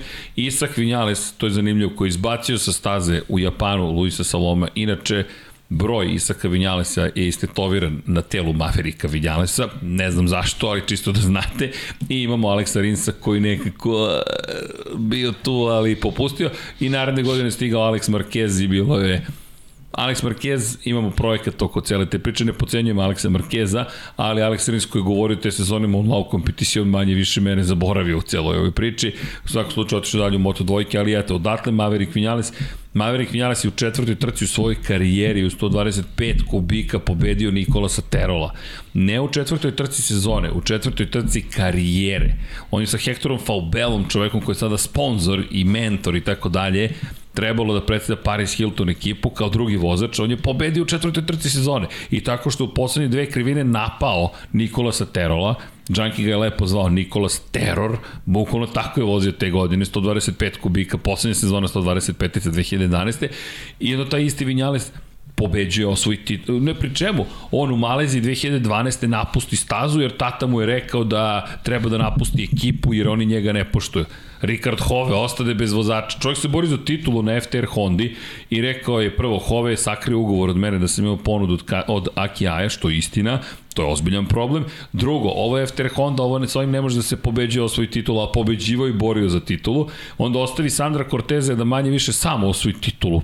Ni kriv ni dužan, tu je pobedio Zulfamija Hajrudinu u poslednjoj krivini, poslednjih kruga, to je, a, Malezija bi slavila. Inače se pojavio od tog istog dana na pobjedičko postolje, ko je išao? Nije, Hafiz Šarin je išao u moto dvojkama i onda dođemo u situaciju, taj isti Vinjales naredne godine osvoji titulu, 2014. ode u Moto 2 klasu, pobedi četiri puta u Moto 2 klasi, sve nas oduševi, skoči u Moto Grand Prix, bude na Suzuki 2015. 2016. pobedi na velikoj nagradi Velike Britanije u Silverstonu na Suzuki, donese prvu pobedu u Suzuki posle 9 godina, prvu po suvom od Kenija Robertsa mlađeg 2000. godine, dakle 16 godina pošto je Kenny Roberts mlađi po suvom pobedio, pošto je Christopher Mullen pobedio samo u Lemanu po kiši 2007. Potpiše za Yamahu, ode umesto Jorge Lorenzo u Yamahu, pobedi na prve dve trke sezone, i postane prvi vozač posle ne znam koliko desetina godina koje je pobedio na prve dve trke sezone i nije osvojio titulu. I tu mu se pridružio kasnije Fabio Quartararo 2019. Ne, nije da ga Deki ne voli, nego ne možemo da podnesemo ideju da takav vozač sebi dozvoli da radi šta u Austriji, čekaj šta radiš, zašto, ko si ti, kako se to ponašaš. E to je problem sa Maverickom Vinjalesom. Da, ne da ga ne volimo, nego smo ga obožavali I onda dođemo u situaciju da gledamo čoveka koji se ponaša kao teatralno derište. Ma, ljudi, pričamo o čoveku koji je pristao da ima intervju za Infinity Lighthouse da, čekajte, na početku. to nam je prvi i jedini Moto Grand Prix vozač koji je s nama pričao preko, koji nam je hvalio studiju. Pa zaista mislite da ga ne volimo, obožavamo ga. Pa kad, se, kad ga sretnemo, čao Maverick, on je najljubaznija osoba koju možete da zamislite ali ne pričamo o ljubaznosti, mi pričamo o njegovim veštinama i onome što radio na stazi. Peti Lab 76. Oh, you have a nice studio. Oh, you really think so? Link, link, link, link, link, čekaj, čekaj, čekaj, link, link, link. Deki... Poslušajte kako lepo priča čovjek. Čovek i šta je sve ispričao, sa njim su zadovoljstvo, on daje informacije koje je redko ko daje. I iskrenje. Nego nam je samo krivo što nije postigao više. Verify it's you. Dobro. Moram da potvrdim da sam to stvarno ja. Ok, evo ja sam. Dobro. Evo, potvrdio sam, čekaj, Znaš koliko da li si siguran? Da li si siguran da si to ti? 466 videa imamo, Vanja. Wow. Dobro. Sad će da potrebe neki dok dođem. Do, možda je bio neki pametni način da ovo izvede. A možda search. Mm, pa možda, da, možda. Genijalac. Sjajno, dobro.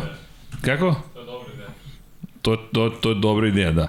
36 minuta je čovjek pričao s nama. Šta vam je? Čujte, obo, obo, apsolutno. Evo ga. I pinovo sam Vanja, oteo sam na kratko. Evo ga.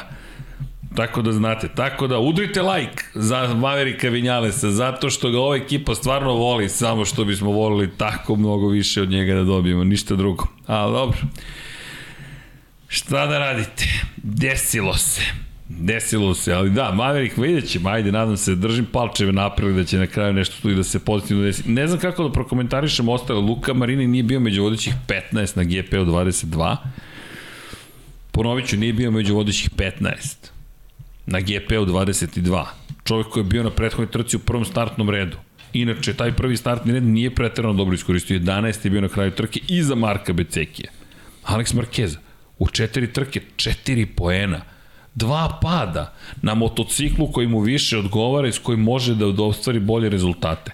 Stvarno? Ne, Mark, uh, Alex ovaj, Marquez iz trke u trku baš tone, baš tone. Ja ne vidim budućnost ne. ovde. I šta će se vratiti u Moto2 klasu?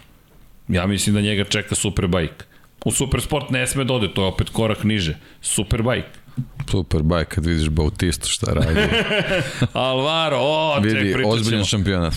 U, sad, i super sport, mislim da, super da, da, da mu sledi oporavak, da u sledećih nekoliko sezona baš vozači treba da požele da se nađe tamo.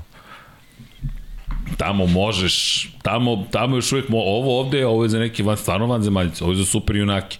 Ovo je, moraš da budeš iz neke druge dimenzije da bi se ovde takmičio. Ali to ne znači da su to loši vozači.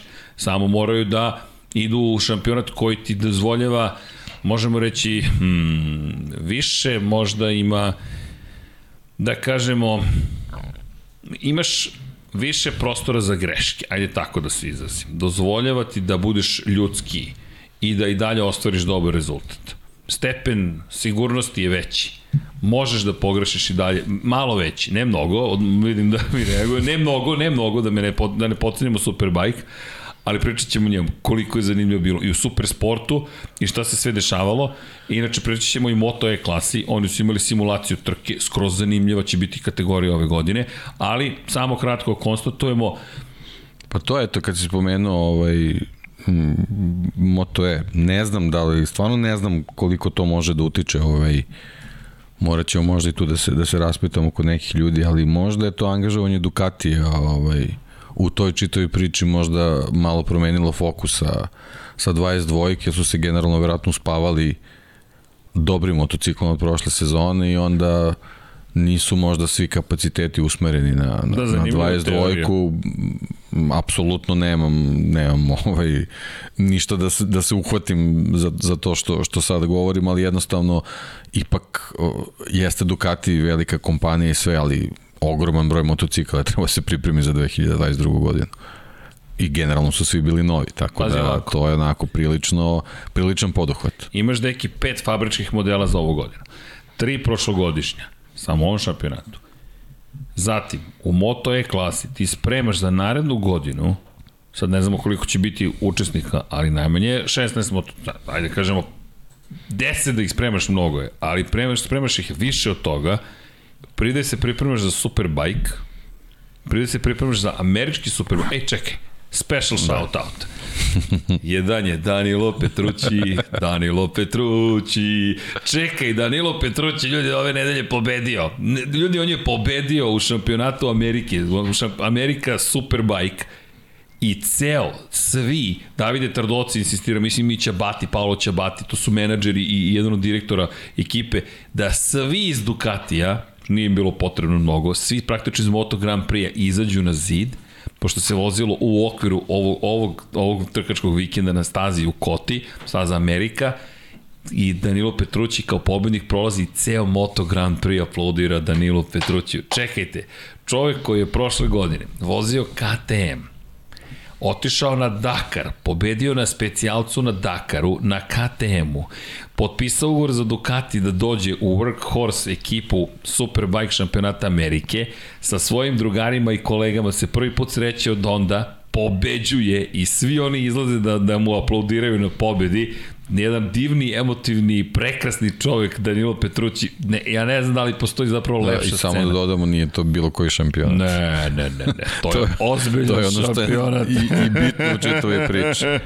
Nije otiš u kup da generalno neko. Danilo ne, ne, ne, ode, ne, ne. gde ode, to su stvarno ovaj ozbiljne priče i kada onako globalno pogledaš, ja mislim da popularnost svetskog superbike šampionata, američkog i, i, i britanskog je tu negde. Po, po, po broju ljudi koji ga prate. Tako Apsolutno. da nije to ništa ovaj, malo i nebitno. Ljudi, ovo je šampionat sveta kod šampionat Amerike od koje 2015. pod Moto Amerika sloganom se vozi. Čovek koji stoji iza ovoga predsednika, ovoga je Wayne Rainey, trostruki šampion sveta, Yamahina legenda i cela priča je napravljena upravo da jedan od rezultata je Cameron Bobije, o kome ćemo tek pričati kad imamo tragičara trke Moto2 klase, koji je osvojio pol poziciju u Moto2, on je pet puta bio šampion ove klase. I ima lepa priča o tome koliko je hrabar Cameron Bobije, on je velika zvezda bio Moto Amerike, osvajao titulu čovjek pet puta i rekao ne, ja hoću da odem u Moto2 klasu preko puta, preko velike bare i oprobam se sa nekim od najboljih vozača sveta. I dođe do pol pozicije na domaćem terenu. Inače, imao je problem s menjačem. Stalno mu je upadao menjač u, u, u lažni ler, dakle u, u, u lažni prazan hod, false neutral takozvani, i stalno mu je upadao i onda je morao da promeni stil vožnje da levom nogom jače udara, jače da udara, dakle da, kad vraća, dakle da dođe do toga da, da, da zapravo mu motocikl počne da radi, na kraju u poslednjem krugu, koliko, pet krivina pre kraja, kaže, čini mi se, pretero sam svakako, ali izgleda da je bio udar vetra koji, koji je dokusurio njegovu trku i radao se da može do četvrte pozicije izletao sa staze, ali to je kamerom Bobije bio, e sada je tu Danilo Petrući, mi pričamo, dakle, ovako, Bobije, 2015. 2016. 2017. Toni Elias, inače Bobije je Yamahin vozač bio, Yamaha Yamaha, na Suzuki u Elias svoju titulu, pa tri puta za redom Bobije, prošle godine Jay Ganje, inače Ganje koji je jedan od onih klinaca iz Red Bullovog kupa Novajlija od pred 12-13 godina, i to je u Superbike kategoriji. E, tu je sada došao u celu tu priču zapravo čovek koji se zove Danilo Petrući, koji juri jednu ozbiljnu titulu. Tako da, eto, pratimo Danilo Petrući, nemamo pojma šta će biti i dokle će to, kako će to funkcionisati, ali ovo je bila prva trka šampionata, pobednik u prvoj trci Danilo Petrući, pobednik u drugoj trci Danilo Petrući, tako da, molim vas, dame i gospode, jedan veliki aplauz za Danilo Petrućija, jer je to Danilo, uh, Vanja daje ono tvoje, ša, Na, da vidiš kakve efekte imamo. I mogli bismo da snimamo efekte, produkcije specijalnih efekta, Infinity Lighthouse. Pa kad, znaš kako je nastao jedan od, to ti kažem, e, moram da proverim za Zvezdane ratove, ali mislim da su snimali kontejner kako se zapravo otvara, zatvara kao jedan od efekata zvučnih. Šta sve Vanja ćemo da radimo? To ti kažem, Vanja ima taj duh, super, to. Tako da, aplauz za Danilo Petruća. Aplauz, Danilo, to, gospodo, to, Danilo. Bravo, divan čovjek.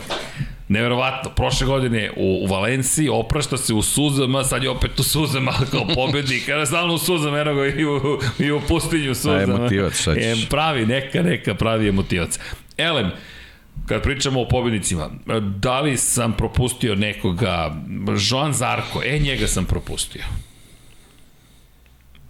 Pa i, i Martina. I Martina sam propustio, da. Martina što je mora, možda mora, još da. veće onako za prepašćenje nego Zarko. Da.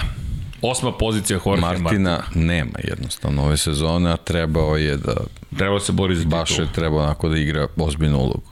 Rekao je da ima isti problem ponovo, na startno ciljnom pravcu 8 do 9 km na čas manje u odnosu na konkurente, što je nevjerojatno na Ducatiju, ali problem je sledeći, ne, zna, ne uspevaju s motorom da spuste, da snagu prenesu na asfalt. Evo ih i rezultati. Danilo 4-4, 4-3, 4-4, 4-4, 4-2, 4-1, 4-2, 4-6, 4-2, 4-2, 5-0, 4-5, 4-9, 4-5, 4-5, 5-1, 4-2, 4-5, 2-0-5-5. Šta nedostaje? Jedan jedini krug ispod 2.04. Nema ga. Nema ga. I prosto je Martin rekao, to je bilo to. Mi moramo da nađemo rešenje. Nisam mogao da nadoknadim. Pokušavao sam na drugim delovima staze da to izvedem, ali nisam imao dovoljno brzinu. Što nevjerojatno zvuči za jednog vozača Ducati da to ne može. Ali da se vratimo, kojih Ducatija? GP 22 i to na najsirovija verzija, bez specifikacije za one koje eventualno ne znaju ili su zaboravili, ili nismo dovoljno puta spomenuli, specifikacija A je nešto nežniji sa isporukom snage u rukama Jacka Millera i Francesca Banjaj, to njihov izbor bio, fabrički vozači, a s druge strane Luka Marini u Muniver 46 ekipi, Jorge Martin u pramaku, Joan Zarko u pramaku su izabrali bez specifikacije. Kažu da je to sirovi, jači, ali sirovi. I šta je rekao Martin?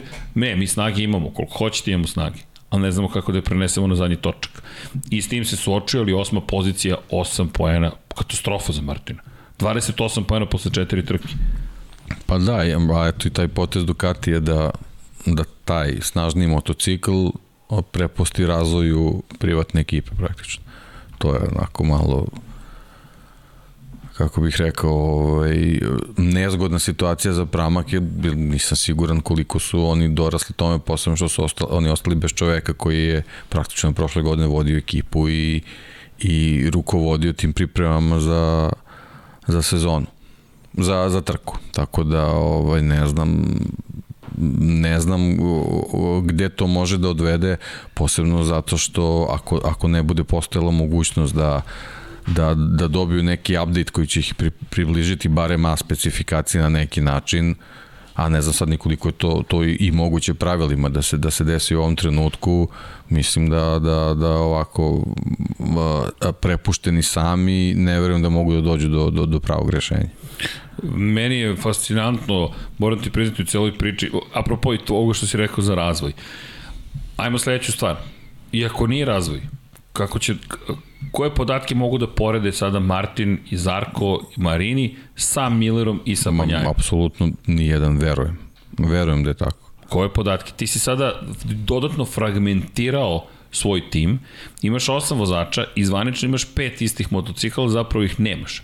Ti imaš meni, tri meni to B, prilično liči na onaj Mizano test kad je Yamaha došla sa milijardu nekih nekih delova koji je u, u dve sesije pokušala sve da isproba i na kraju je zalutala i više nije znala šta je u stvari pravo rešenje za, za situaciju koja je generalno bila oče. Milion puta ponavljamo, ne možeš da optimizuješ po više od jedne varijable. Ne možeš, optimizuj se po jednoj, pa onda tražiš drugo, pa ideš nazad.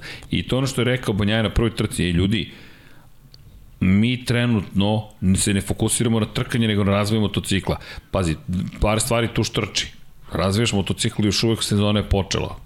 To ne miriše baš na pripremljenu situaciju kako treba. S druge strane, ako se time baviš, da li da nije možda arogancija u pitanju? Ako, ako ili možda to suprotna stvar.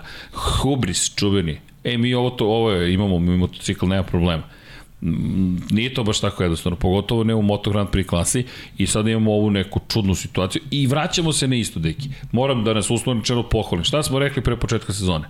Imali Ducati vozača da osvoji titulu. I to je sad počelo da se pitanje postavlja i na globalnom nivou, imali vozača za titulu. Čak i Simon Krejfar, očigledno gleda Lab 76, rekao, ja ne vidim vozača za titulu u Ducatiju. Ne vidim ga osim, eto, možda je ne Bastianini, ali koji ipak u privatnoj ekipi. Pa, to se da kažemo, on nije u Ducatiju. Nije u Ducatiju, on je čovek u, pram, u Pramaku, ne znam šta mi je stalno s Pramakom, u Gresiniju, koji je ove godine dobio Ducatije motor. I to isto treba naglasiti. Taj tim je pet godina radio sa Aprilijom. Pet godina radio sa Aprilijom. Ducati nije video, ne pamte.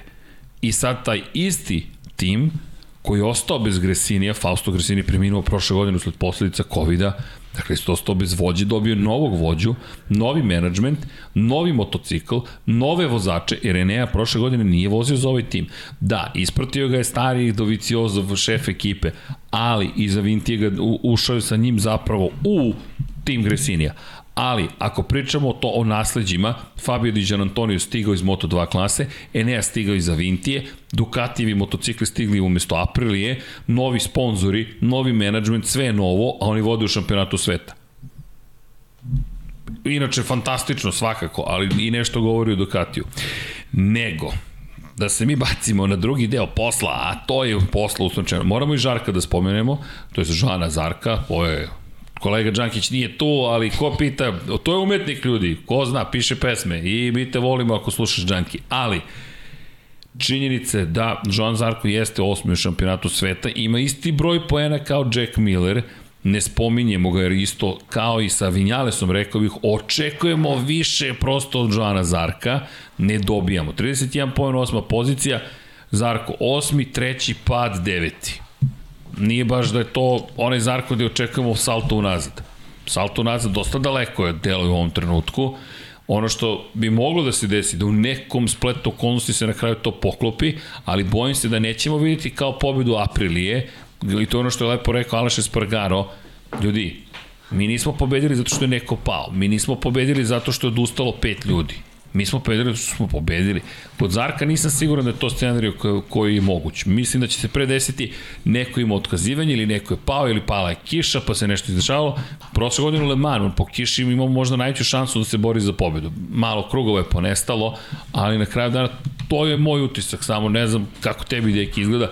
Zarko prosečeno osvajanje poena, gore nego prošle godine mnogo i Pramak zapravo, ajmo sad sledeće, gde je otišao od menadžera ekipe? Nema Francesca Gvidotija više. Tako je. Da li se sad osjeća i taj gubitak? Jer Gvidoti je taj nivo, Livio Supo, Davide Brivio i ostatak karavana ti si ostao bez Gvidotija, ne, KTM bolje izgleda ako ništa drugo. Pa dobro, treba period i prilagođavanja drugom sistemu. Slučaju. Mislim, kad, kad pogledaš ti iz, iz malog italijanskog tima, ideš u veliki austrijski, to su baš onako sudari svega živog i, i treba, treba i, i njemu, njemu, njemu treba vreme malo ali se prilagodi, ali da, on, on je isporučio šta je trebalo već. Već je isporučio, ja mislim da u ugovoru piše jedna pobjeda. Tako je, tako da, da, da, da on, on radi svoj posao, sad ono što si rekao, što se tiče KTM-a, to je možda malo više do vozača nego, nego do cele organizacije, ovaj, a što se tiče Pramaka, u stvari pre svega vozača, ovaj, kad se setimo da su pre dve sezone u paketu vozači Pramaka prešli u, u fabričku ekipu, a, a da smo prošle godine o obojici ovogodišnjih pričali na razne teme Zarko na početku sezone, da li se bori za titulu, otprilike kao što sad pričamo o Bastianiniju i, i ovaj, Martina svrstali u, u sve moguće fabričke ekipe, ove godine ne pričamo o njima praktično. Uopšte. I sad ne možemo da pričamo, Martin imao je peh u prvoj trci, pa imao peh u drugoj trci, pa u, drugoj trci, u trećoj trci počela sezona bio je drugi. Sad si imao trku, bio si osmi. I nisi, ni tek tako, on je vodio, ne vodio, on je pratio Millera, koga je morao Bastianini na putu do pobede da pretekne. Prvo Martina, pa onda Millera ili je bio Pro Miller pa Martin, ne mogu da se setim, ali morao i Martina da pretekne. bez, bez ikakvih problema. Ne, to je samo to. Nikakve probleme mu nisu zadali. Na, Pri tom on je vozio krug pola sekunde brže. Ne, on je samo došao, pretekao ih i otišao. A, ono što smo pričali, školski. Ajkula. Ćao. Ćao. I to je to. Ko je jedini, za, zašto opet vratit ćemo se samo kratko, Kvartararo, potpuno sam oduševljen njegovom borbenošću Nećeš me preteći. Ma ne da... Pazi, Quartararo se na onoj Yamahi bori protiv Ducatijevih vozača. To nema nikakvog smisla, nema nikakve logike da se tako nešto... Oni ne smeju to sebi da dozvore. A Quartararo je pokazao, smislio je gde će da ih napada. I to je i Markeza pokušao da napadne. I uspeo na kraju. Ali dobro. Na, u svakom slučaju, pokušavam da shvatim da nismo nekoga nepravedno propustili, samo kratko Novajlije Pa Derin da, Binder nismo, završio nismo, trku. nismo spomenjali ovaj, tek trojke momke. Oni su onako nekako ponovo van, van radara, ali u toj generalno priči, to, to smo već ono, praktično od početka sezone ponavljamo, Iste. u toj generalnoj priči sa KTM od njih ne može da, ni da se očekuje nešto preterano više, kažem, to je onda mnogo veći fokus i, i neko opterećenje na, na Diđan Antonija koji praktično upravlja pobedničkim motociklom, a, a ni, ni približno ne, ne isporučuje uh, nešto što su već neki druge Novajlije prikazali. Da, ako pravimo poređenje, on mora da bude na nivou s Becekijem. Tako a on je. ne da nije na nivou s nego je. nije blizu tog nivoa. Niko od nas nije, nije se Stoner oglasio Casey, dvostruki šampion sveta i rekao kao za Becekija ovaj dečko najbolje vozi Ducati. Nije to rekao za Diđan Antonija. Nismo ni mi rekli Diđa nam izgleda kao nekog. Da. Mi smo rekli Beceki nam izgleda dobro zbog stava, pojave, energije. Ja duboko verujem da to možeš da proceniš po vozaču, čoveku, sportisti. Vidiš ga da je siguran u sebe. Vidiš ga da, da nešto tu dobro funkcioniše. I kada pogledaš rezultate, ok, Derin Binder završio trku, ako ništa drugo, ali je bio 20 sekundi iza Diđe, nije pohvalno, nije bio u jednom ubici sada kao na prethodnom Da, ali, ali taj motocikl na ovoj stazi je stvarno ne underpowered, nego, ne, ne, ne znam kako... Trotinet. Da, Nažalost. GP2. GP2. e, sam, e, znaš da sam u prenosu bio? Znam. Ako razmišljam, pa neću baš Alonsovim stopama. razmišljam Da, GP2. pa ne, ne, stvarno, stvarno ne, Pa izgleda nema kao šta tu da Moto2, traži. Pa, zaista da, je- pa malo je sporiji od Moto, pa, malo je brži od Malo Moto je brže dvojke. od Moto dvojke. Da. je tragedija, ovako sedim i gledam, razmišljam da li je moguće ću to da izgovorim za jednu Yamahu. O, i te kako je moguće kad tako stoje stvari. Ali zaista neprihvatljivo da onako izgleda motocikl. Neprihvatljivo. Ali ok, Remi, pa Fabio Di Gian Antonio, koji je bio u borbi zapravo sa Remijem Gardnerom. Remi odneo tu pobedu na KTM-u. Raul bio najbolji od, od ovih nova, od ovih nova. Ali dobro, Beceki ne možemo da računamo, Beceki izletao sa staze. I onda idemo na Oliveiru koji je samo 5 sekundi ispred Raula Fernandeza. Tako da tu neke pohvale mogu da padnu na račun Remija i Raula u kontekstu, ajde, nešto rade, ne znam ni ja nešto se događa, ali ja zaista mislim da, da to je duhu KTM-a. S, s kim ti sebe da porediš kao Novajlija? Šta sa Bredom Binderom? Da. S Miguelom Olivirom? Ko ti je reper? Ko, od koga učiš podešavanje motocikla? E, Šta radiš? Gde, gde ideš?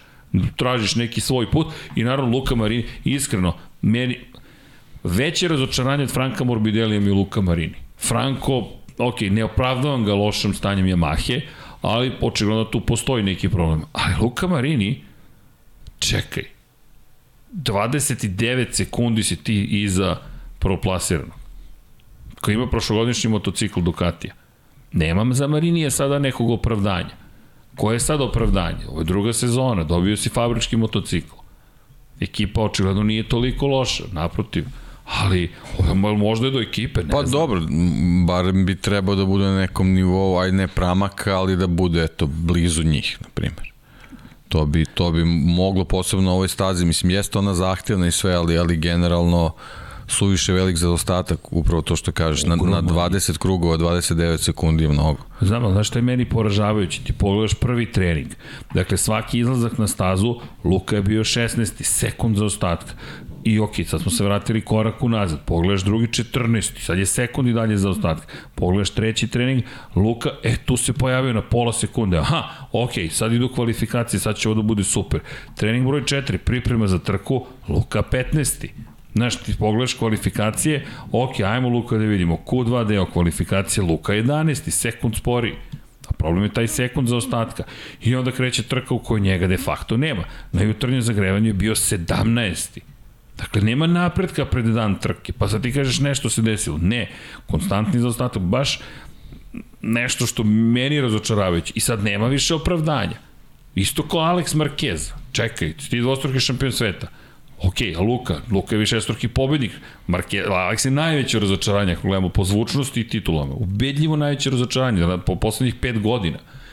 I ne govorim zato što je brat Markeza, čak čak ga štedim da, da, zato što ne želim da bude ta porodična. Ali ako pogledamo da je neki drugi šampion sveta, Moto2 i Moto3 kategorije došao, pa drvlje i kamenje je bilo letelo ka njemu. Da. Bukvalno bi drvlje i kamenje ovako, šta da ga kritikuješ? Šta da kažeš? Dovoljno je on sam sebi kritika. Ovo je potpuno neprihvatljivo. Koliko god da je dobar dečko, Da. potpuno neprihvatljivo. Pa to, ali, ali u, u, u toj, toj priči vezani za njega, ali i za taku treba se možda osvrnuti na ekipu koja, koja od svih uh, poznatih i, i, i, i ekipa koji, satelitskih ekipa koji su dugo u tom šampionatu ovaj, jednostavno nije, nije ni blizu nekih nekih o, o, o, o, izdanja koje je imala u prošlosti. E, ali sad tu dva pitanja. Je li to do ekipe? Tri zapravo pitanja. Ili je to sada do vozača? I treće pitanje, ili je to sve bio Kal Kračlo? Pa, to je to, je to pitanje. Da li je Kal taj koji je nosio sve, ali pazi ekipa, znači šta možeš više da poželiš od fabričkih motocikala? Ne znam. Kakvi god da su. Znači, ti imaš fabričke motocikle, aktuelne, bukvalno si ono na, na nivou sa, sa fabričkom Hondine, ekipom. ne Da. bilo koje. Tako. Hondine, prvi put u istoriji da je Honda kada je ušlo, kada smo ušli u ovu novu eru, dala četiri svoja fabrička motocikla. Ukupno ih osam proizvede godišnje. I rezervni. To je drugi, čak nije ni rezervni, to su motori 1 i 2. I ti imaš to, imaš podatke iz Repsol Honda, imaš dva vrlo moćna sponzora, dakle imaš Castrol s jedne strane, imaš i Demicu s druge strane, koji ti je problem tačno? Koji je tačno tvoj problem? Imaš Lučija Čekinela koji je vrlo umešan menadžer, kakav god da je problematičan ponekada, da. umešan je. Če sad samo može da bude situacija da su oni zarobljeni izborom vozača upravo zbog tih svojih angažmana. E sad, Honda tu dolazi do izražaja. Da. Honda ti je dovela Takaki na Kagamija. Bukvalno to je Honda rekla, ovo je naš vozač, on vozi tu, okej. Okay. Alex Marquez, kako je došao? Mark Marquez je rekao kad je Jorge Lorenzo dao otkaz na kraju 2019. sledeće godine hoću mog brata. To je prvi put da je povukao potez da Honda kaže ja nešto zahtevam. Inače, možda, ja stojim, tad sam rekao da je to najveća greška u njegovoj karijeri i da bi to moglo skupo da ga košta. I ne mislim na povredu, nego mislim na razvoj narednih situacija. Honda koja je u tom momentu rekla moramo da smanjimo španski uticaj, mada između redova rekao bih Markov uticaj, dovodi Pola Espargara, koji je španac inače, pa ne znam kako su smanjili španski uticaj, ali okej, okay, Dakle, Aleksa sele u manju ekipu, Aleks koji je imao dva plasmana pobjedničko postoju u toj prvoj sezoni I od četiri vozača ti imaš tri španca. Ima, da, inače imaš tri španca i sad dolaziš u situaciju da si ti poslao Aleksa u manji tim, Lučić i Kinelu de facto vezao ruke. On ima dva izbora. To je Zeka lepo rekao. Čekaj, Honda je dovela do toga da Lučio zapravo ni nema svoju ekipu. Lučio je pristao na tu igranku, ali ja mislim da je vreme da Lučio kaže, ej, ljudi, jedan mora biti moj Nešto mora da se da, desi. Pritom imaš već neki dijapazon vozača mladih koji, kojima nedostaju pozicije. Tako je. A ti imaš satelitsku ekipu koja ima fabričke, fabričke motocikle. motocikle. Ako neko želi da se dokazuje, dođeš u Moto2, ja, I ako šta? nemaš, ako ja. ti nedostaje taj korak da uđeš u Repsol, Znaš ko? Gde možeš? Fermin Aldeguer. Aldeguer. Aldeguer, Aldeguer, ako nije dobio ponudu svih timova, šta smo rekli pro prethodnom podcastu, osvane vest, e, ekip, više ekipa je poslalo ponudu, ma ne, stvarno, ne, i Joki neće poslati ponudu, bez obzira i na greške i na problemi i na situaciju, ovo nije čak ni greške, ima peh na početku trke, ali taj momak, ja mislim da bi se on tu dobro uklopio, jer on dolazi iz speed-upa, iz jednog porodičnog okruženja i mislim da njemu treba tranzicija do fabrike. I to se vidi sad i po ovome. Ima tu još, još puno posla. Dovedeš ga u Lučiće Kinelo Racing i kažeš tap, evo ti Honda. I još je španac, tako da nije da im kvari iz neke perspektive sponzorski bilo kakve odnose. A dobar vozač. Ne dobar. Pa dobro, pazi, relacija sa špancima samo zbog Aleksa, zbog Marka. Da, Odlaskom Ali Aleksa... Italijan mogao da dođe. Apsolutno Italijan mogao da dođe. Jao, Celestino... Ne smeš da zaboraviš Italijana. To da. ne smemo da zaboravimo. Pa dobro, Celestino ima, ima, ima i neki drugi prolaz. Ima, da, ima, da, ima. nije problem ali zašto, zašto da ne? I za, ili zašto neko iz neke potpuno druge priče, LCR je otvoren i za, i za takve vozače. U, šta misliš? Posebno preko Castrola i tako dalje koji italijan bi mogao da ode u Lučići? Ne mora italijan, kažem, ne mora italijan. no, ima tu neki se pojavio, pojavljuje se, u, tu ima, znaš ko će na kraju da završi to? Zapamtite ovaj trenutak. Jack Vanja, Miller. Piši. Piši Vanja. Jack Miller vozi za Lučiće Kinelo Racing naredne godine. Jack Miller. Zašto to govorim? Zato što mi to liči kao Gde može Jack Miller naredne sezone da ode? Iz fabričkog Ducatija? Gde ćeš? Možeš samo pa, kao kao da. Crutchlow znači da ne kažeš, možeš da se degradiraš u Ducati pošto već si bio i u Pramaku. Ne možeš ne, u Pramak, da. ne možeš da ideš po, u, po da. nijednu od tih ekipa, u Gresini sigurno, ne, ne, neće ni zvati, imaju drugu, drugi plan. Šta ćeš u KTM? Možda, ali da li si potreban KTM-u, njima treba mladi vozač, neko ko će da kaže ja ću da budem perjanica ovog pa projekta. Pa KTM može, njegov link možda bude samo sponzorski ugovor. Da, koji Znam, nije s kojim imaju, Red da, da, da, tako da nema šta tu. Da. Stoji za toga, da. ali ne, ne vidim opet KTM da to želi, to, to iskreno, Suzuki, da. mislim da će juriti nekog mlađeg, ako budu menjali tim, i onda dolazimo do toga da šta, Aprilia, ona ima svoj tim. Jack Miller, to vam je odgovor. Jack Miller ide u Lučiće Kinelo Racing. I tu isto postoji veza sa Red Bullom, da se razumemo. Red Bull je i tu aktivan. Tako da Jack Miller savršeno se uklapa u celu priču. Njemu će da odgovara takav tim. Oni Lučio imaju slični senzibilitet, vole da se provode, da bude rock and roll atmosfera, a da voze trke i da i neće biti problem da razvija motore, jer kao kračo razvijao motore za Repsol Honda.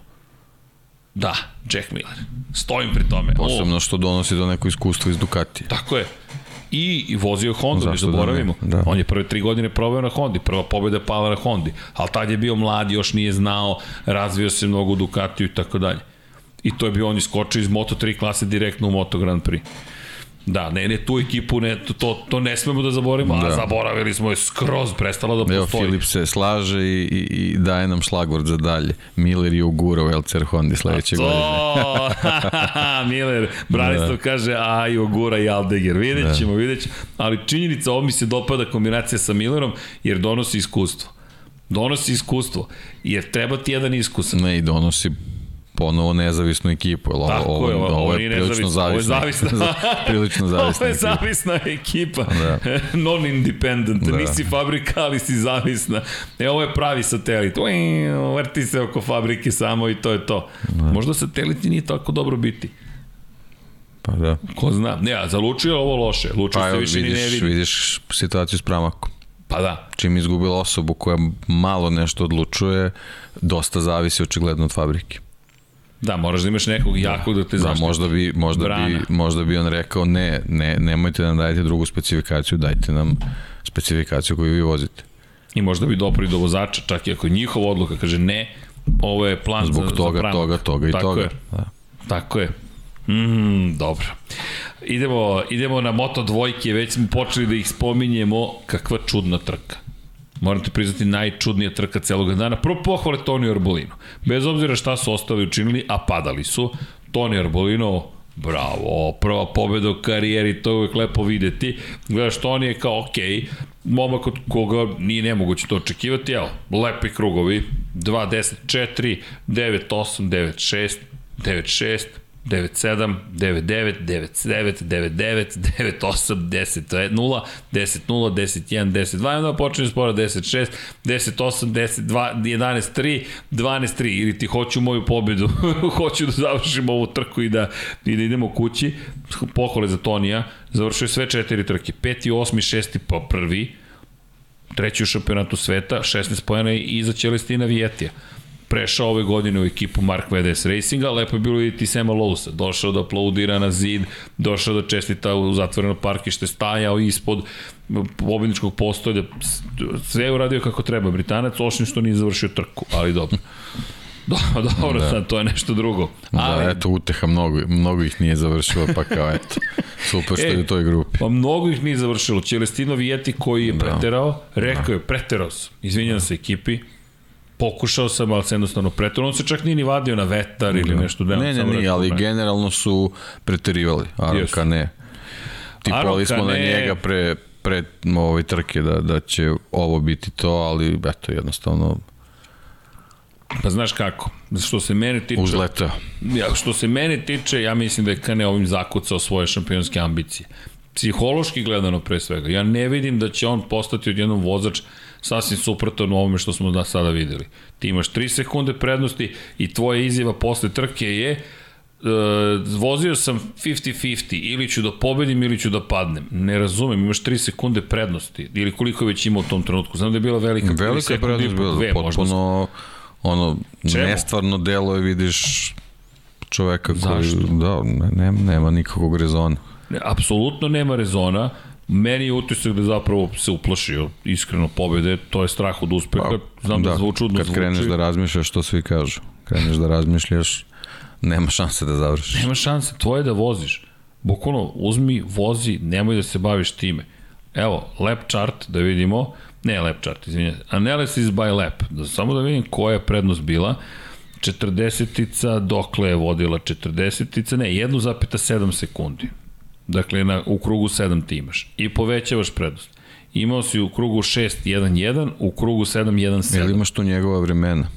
Da Njegova poredimo odnosno vremena. na Arboline. 2.09.4 mu je bilo u sedmom krugu, 2.09.9 je bilo Arbolinovo, 2.09.9 u prethodnom, 2.09.7 je vozio Arbolino, pre toga je vozio 2.09.5, 2.09...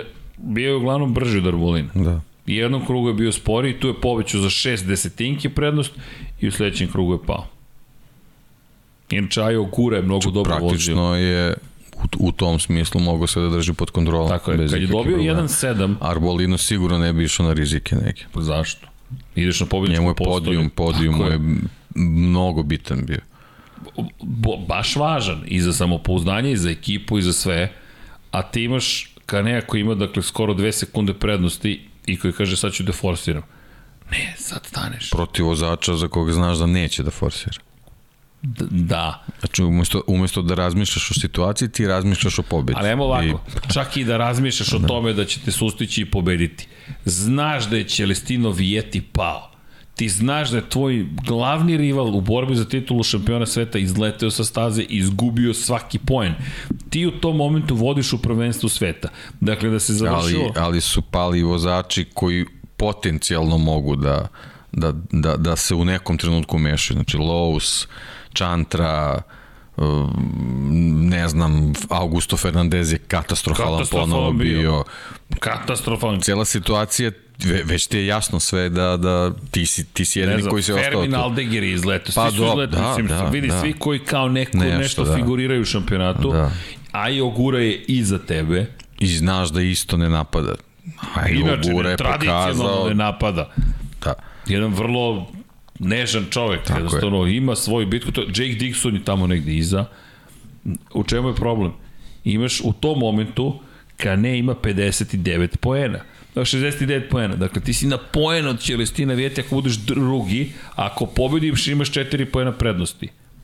Koja je kalkulacija? Šta kao kalkulit, kalkulantski do titule? Da, apsolutno, nemaš pobedu, drži se toga, ne, nije, nema potrebe za herojstvo, jer nema herojstva, ovi su svi popadali, pri čemu ako padaju u tolikom broju, zar ne raste rizik? Zar nije onda rizik? I još i rekao, Bobije je to rekao, ljudi, vetar je bio mnogo jači. Jeste. Udari vetar su bili ozbiljni. Vetar je bio katastrofan, to se videlo na na intoniranju himne. Ma, ma vidiš po, po, po, tre, po farmerkama Momak ljudi. Momak i devojka su da, držali zastave, to, to je bila borba ozbiljna. Da, pa, ozbiljna borba na startnom pravcu, pošto su tu stajali. Pazi, kada je probio da. zaštitu, windshield je probijan. Ti, kad čujete ljudi u prenosu da windshield probija, to je da vetar se čuje kroz, kroz windshield, mi to zovemo dead cat ili windshield, dakle zaštita od vetra, to je ovo ovde, ako skinemo ovaj sunđer, to on služi da zaštiti od toga, malo štiti od praskevih tonova i tako dalje, ali generalno on služi kad, kad duva vetar, da, ne prođe. E, imate još bolji sistem, zove se Dead Cat, nažalost surovo zvuči zato što liči na, jel te, preminulu mačku, a onda kad vidite onako čupavo nešto, to se između ostalog zove Dead Cat. To nije zvanični naziv, ali je kolokvni naziv koji je usvojen i kad duva vetar, razbije se, ali tonovi i dalje prodiru. Zvučni talas i dalje dovoljno čisto prodiru unutra u mikrofonu, u kapsulu mikrofona.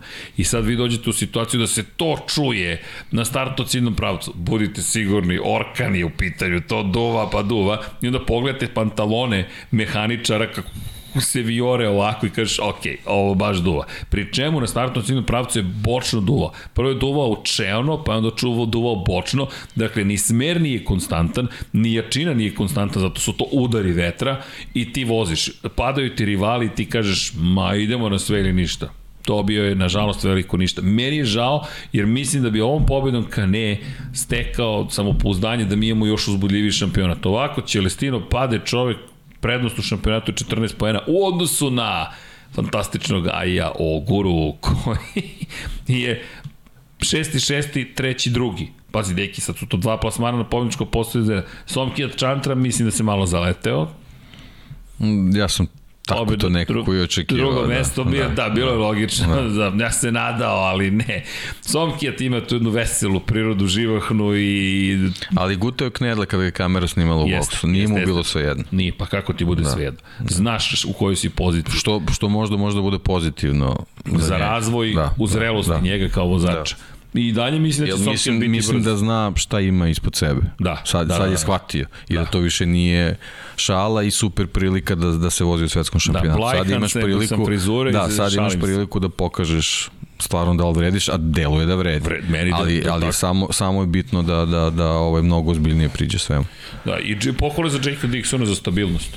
Ej, završi da. na pobedničkom postolju. Da, da, da, Iskusi da, da. kakav je šampanjac pobedničkog postolja. Uđi u seriju završetaka. Tako je. To, tako to je ono što to, mu treba. Da. To nije, peti. nije ono neophodno da pobediš. Samo, samo završava i budi tu. I bio peti na prethodnoj trci, sad treći. Da. Lepo, lepo. Šroter, na najzad od Marcela Šrotera da vidimo nešto. Četvrti, tu je bio kamerom Bobije ispred Šrotera dok nije pao.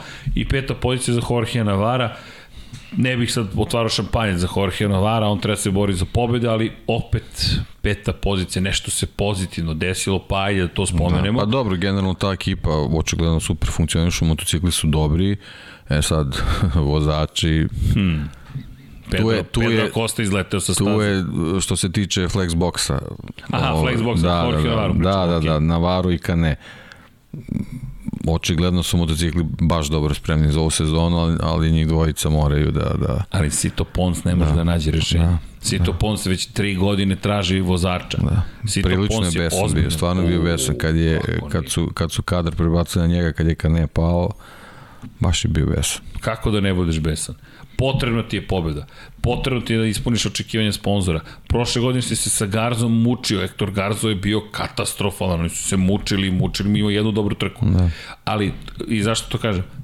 Ti vozači kad dođu u Flexbox, kad dođu kod Cita Ponsa, to je kao da ste došli jedan ozbiljan tim u, moto, u fabričku ekipu u Moto Grand Prix. Od prilike. To je otprilike taj nivo. Da. To je dakle Red Bull, KT Majo, da. Mark VDS Racing, sad VR46 polako postaje ta vrsta da, ekipe, da. Jorge Martinez za Spar, i Dimicu Honda. I Dimicu Honda. To je sad već jedno 5-6 ekipa koje su onako stvarno ozbiljnih timova. Ozbiljni, da. Tako je.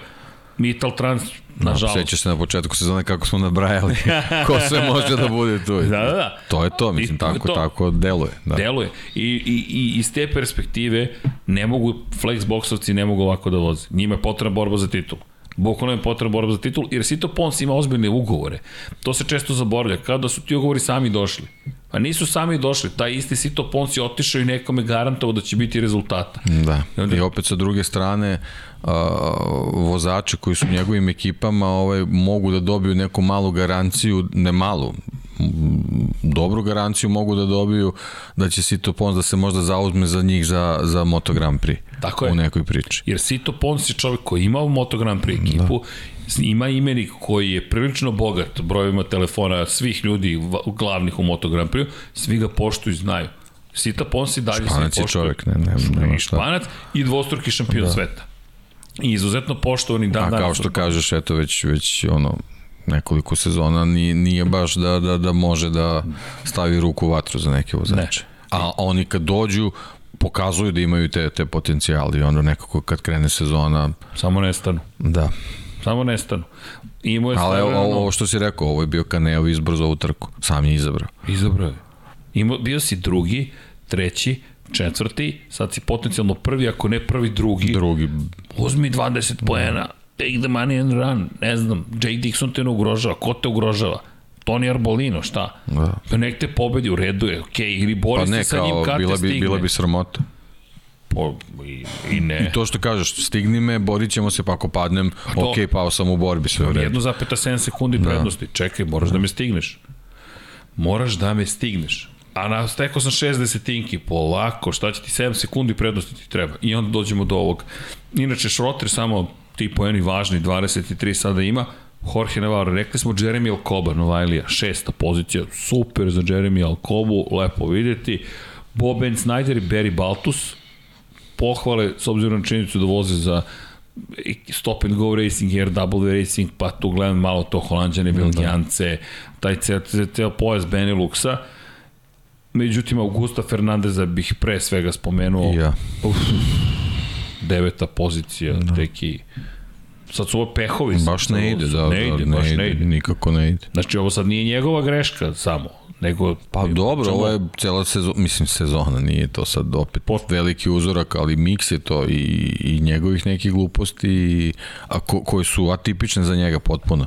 Zato mi sve ovako stvarno neobično dele od njega smo baš oč... ali da. nešto me podsjeća kao u Ponsu kad je bio zabeležio pobede i onda je popustio kao opet ne znam sad, možda je prerano, ali da. sindrom, sad si dobio ozbiljan tim. Pa da, ali znaš kako, on je prošle godine u Mark VDS-u imao je jedan, jednu seriju koja je bila stvarno fenomenalna, ali, ali kad pogledaš celu sezonu, bilo je period od dve, tri trke neverovatno kako, kako ne može da sklopi kockice što što zbog neki, ne, nekih njegovih rezona u samoj trci, što zbog eto tih nekih situacija koje mu se tako bez veze dese da ne, ne znam, ovo, eto, ta Argentina, mislim, stvarno neverovatno, ali eto, ovaj, sezona polako odmiče, a on nikako da, da, da, da, da, Da se pokrene. da se pokrene, Da se pokrene. Da, da, mislim, kao što, se, kao što si u prenosu rekao, mislim, on, on ima šampionski motocikl, znači izgovora ne postoji nikakav, apsolutno. Ne, ne, i, to, I to kakav? Dva dominantna Znaš, kao motocikla. deseti se pehovi sa nekim drugim vozačem, pa što nisi prvi? I to je bukvalno I to, to je pitanje. isto pitanje, Zašto zašto nisi si prvi na startu? u toj Zašto nisi prvi na startu? Zašto pričamo šta, šta te sprečava u tom? Pa kakvi su bili Ralf Fernandez i Remy Gardner? Pa nisi se postavio pitanje.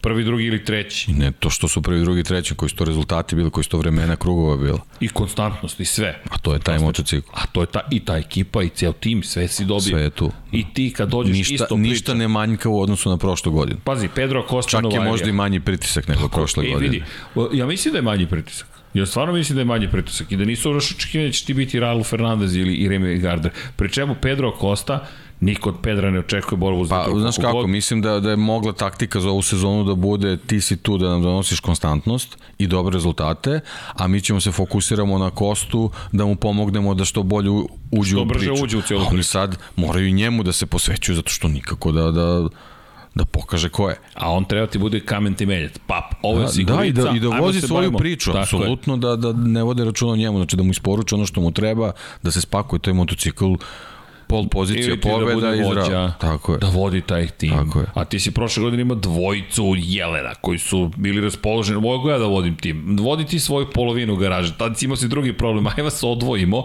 A sada hoće neko ovde da povuče. Pedro Costa bi da povuče, ali ne može još uvek.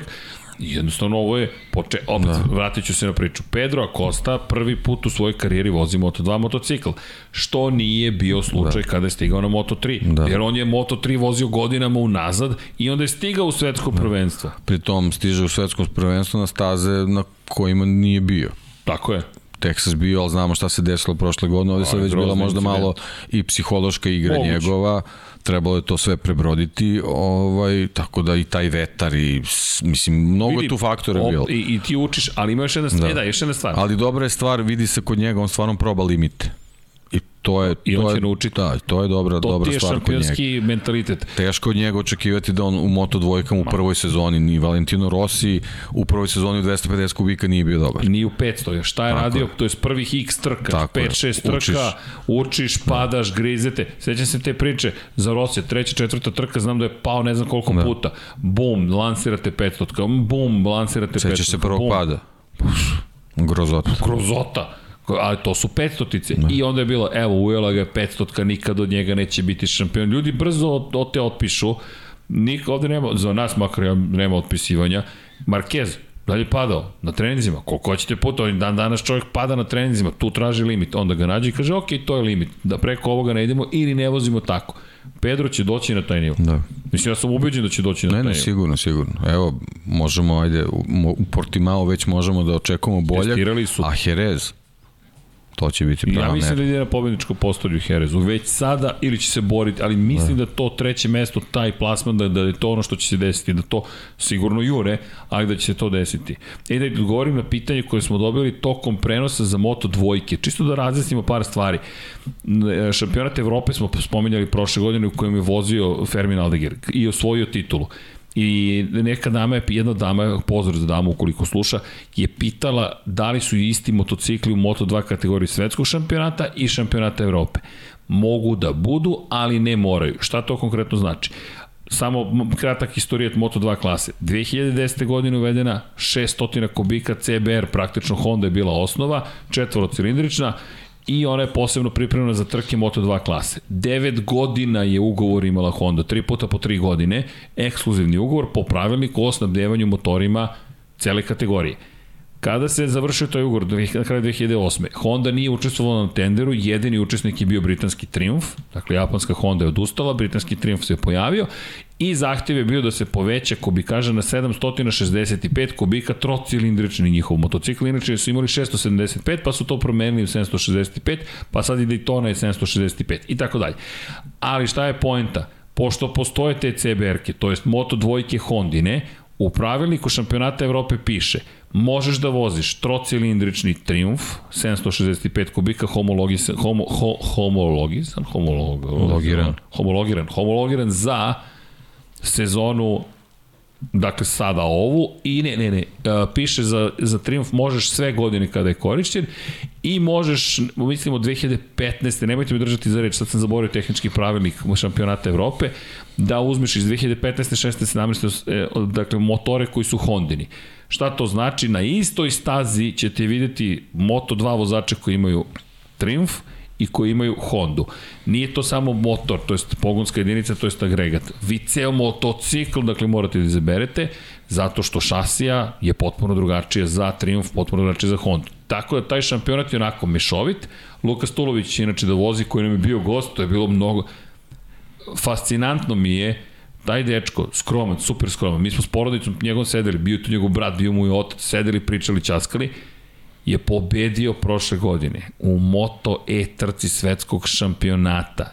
I to je meni potpuno fascinantno. Mi smo imali pobednika jedne trke Moto, šampion, Moto E šampionata, ali to je svetski šampionat, koji inače voče korene sa ovih prostora, Dakle, mi govorimo nekome ko, ko prosto ima samo koren odavde malo ga svojatamo, kaže, izvinite, ja ne znam, ne znam jezike sa ovih prostora, mi smo rekli, nema problema, mi smo te usvojili, Tulović si, ćao, gotovo, i on se smeje i kaže, drago mi, mnogo ljudi ga podržava sa ovih prostora i treba, njegov otac je poreklom iz Bosne i Hercegovine i divno je videti tako nešto, ali, ali ideja, slušaš čoveka koji je pobedio, kao šta ćeš da radiš, pa idem u moto šampion, šampionat Evrope, zapravo idem, i njegova iskrenost, hoću motor sa unutrašnjim sagorevanjem, neću, neću elektriku, ako ne moram, doći ćemo i na elektriku, ali to je bilo lepo i pitao sam ga, Kalex Triumf, rekao je da, Kalex Triumf, zašto je to bitno, zato što to može da mu bude korak ka povratku u svetsko, svetski šampionat, želimo mu uspeh, svakako, i Linkvi Moli Intact Grand Prix ekipa, ista ekipa u kojoj su Schrotter i Jeremy Alcoba.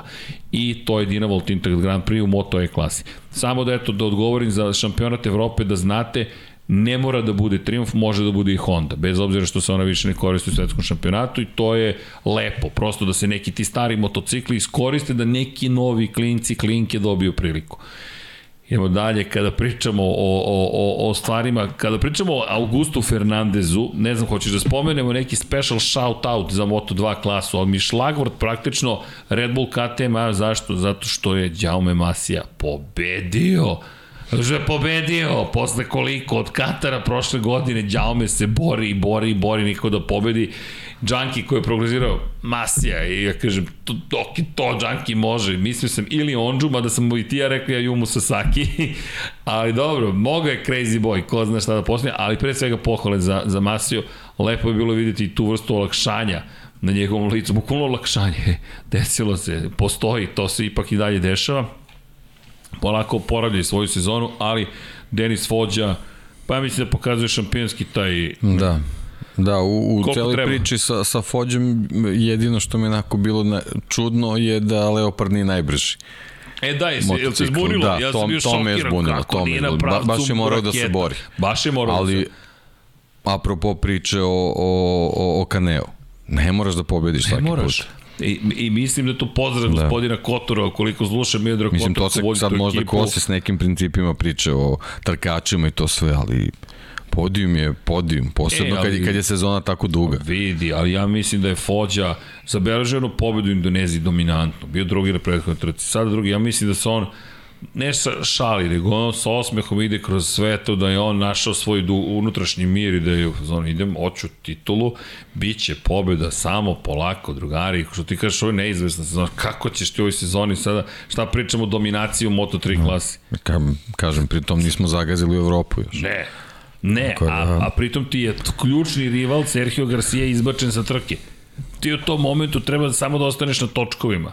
I kažeš, ok, dosta, hvala, lepo, e, desio se incident. Sergio Garcia će ono, zasvetni znak će mu postanu te trke kojih nema puno, možda dve, tri u sezoni, ali tako neki padovi kao prošle godine. I ista priča, potpuno. Da, prosto bio incident, da. ok, da. ali znaš, to su pehovi, ostao bez bodova, 16 pojena prednost sada Denisa Fođe u šampionatu, pri čemu sedmi, i to posle onih problema u prvoj trci, prvi, drugi, drugi. Kako se osvaja titula? Budeš na pobedničkom postolju na svakoj trci, hvala lepo, povremeno pobeda, ćao. Da, pa mislim ako ostaje prošle godine pokazao kako ide ta priča. Ne, bukvalno. To je to bitno da osvajaš bodove. Bukvalno. Znači imaš, imaš jedan nalet, jednu seriju, da napriš veliku količinu bodova, ovo ostalo je samo bitno da si tu da balansiraš, da u zavisnom situaciji on je on je prošle godine bio mlad, pa je eto imao ima neke stvari koje mora da uči, ali, ali tu je ovaj uspeo da stigne do nekih bodova, s druge strane kod, kod Fođe će eto biti samo, samo situacija verovatno da možda motocikl neće biti najkonkurentniji na nekim stazama, e, ali, ali samo su... bitno da i tu uzmeš pa da, bodove. Da, ali možda su naučili da. drugi od Leoparda, možda su rekli čekaj Leopard da. svaki put namesti motor na, na, na pravac. Moreira je bio Moreira. brži, ja ne znam, 15 km sad bio brži od ostale. Diogo, tako izgledalo tako iz, iz tiče perspektive. Da, da, Diogo da, Moreira da. inače nije završio ok. Šteta, ali, ali super izdanje bilo stvarno. Da, da, i meni je čak i to da. ok. Ej, dao si sve od sebe. Ne, on je, on je baš išao, išao na tu priču da možda napravi zaneđenje da stigne do pobede. I to je, to je možda ok. Ok, sad sam probao, nije, nije prošlo, vidjet ćemo za sledeći put da li će da se zadovoljava bodovima ili će možda i sledeći put kad dođu dobru priliku da, da ponovo ovaj rizikuje ali brzina njegovog motocikla je bila stvarno ovako fascinantna. I super izgledao, meni ne znam, možda jednostavno, meni je to zaista bilo sim, blago rečeno simpatično. I kada pogledaš brzine Diogo Moreire, ok, kažem, nije stigao do cilja, činjenica, treba, treba stići do cilja, to je to mi je prvi i osnovni cilj. Ali, u, čekaj, otvorio sam iz 2021. Gledam, rekao, otkud Filip Salač ovde? Ali dobro, snašao sam se. Dakle, čekaj, evo da vidimo gde su nam brzine. Diogo Moreira, 237,3, 237,8, 231,2, 240 km na čas je vozio Diogo. Da vidimo vodeće koliko su vozili. 200, Fođe 240, to ti je to. Dakle, nema više Leopard prednost. 237,7 Andreja Minjo, apropo Minja, Dakle, to je malo pobedim, malo padne, malo pogrešim, sve okej. Okay. Okay. Okay. 238,9 za, za koga je ovo? Izvinjam se, za, za Sasakija. Ondžu najbrži, što je vozio 236,8, ali kod svih njih postoji jedna stvar koja koja nije kao kod Dioga. Kod Dioga je ovo bilo u svakom krugu. I to je velika razlika. Kod Dioga je maksimalna brzina, to je bila u svakom krugu maksimalna. Da, dakle, Diogo, nema svaki put 234, 32, 37, 37, 31, 37, 37, 40, 33, 36 u svakom krugu, a evo kod Masije, kod Masije je bilo sledeće, 238, 240, pa 230, pa 39, pa 34, pa 26, pa 29, pa 28, pa 28, pa 35, pa 27, pa 30, pa... Dakle, nema toga. Mnogo borbe, da. Mnogo borbe.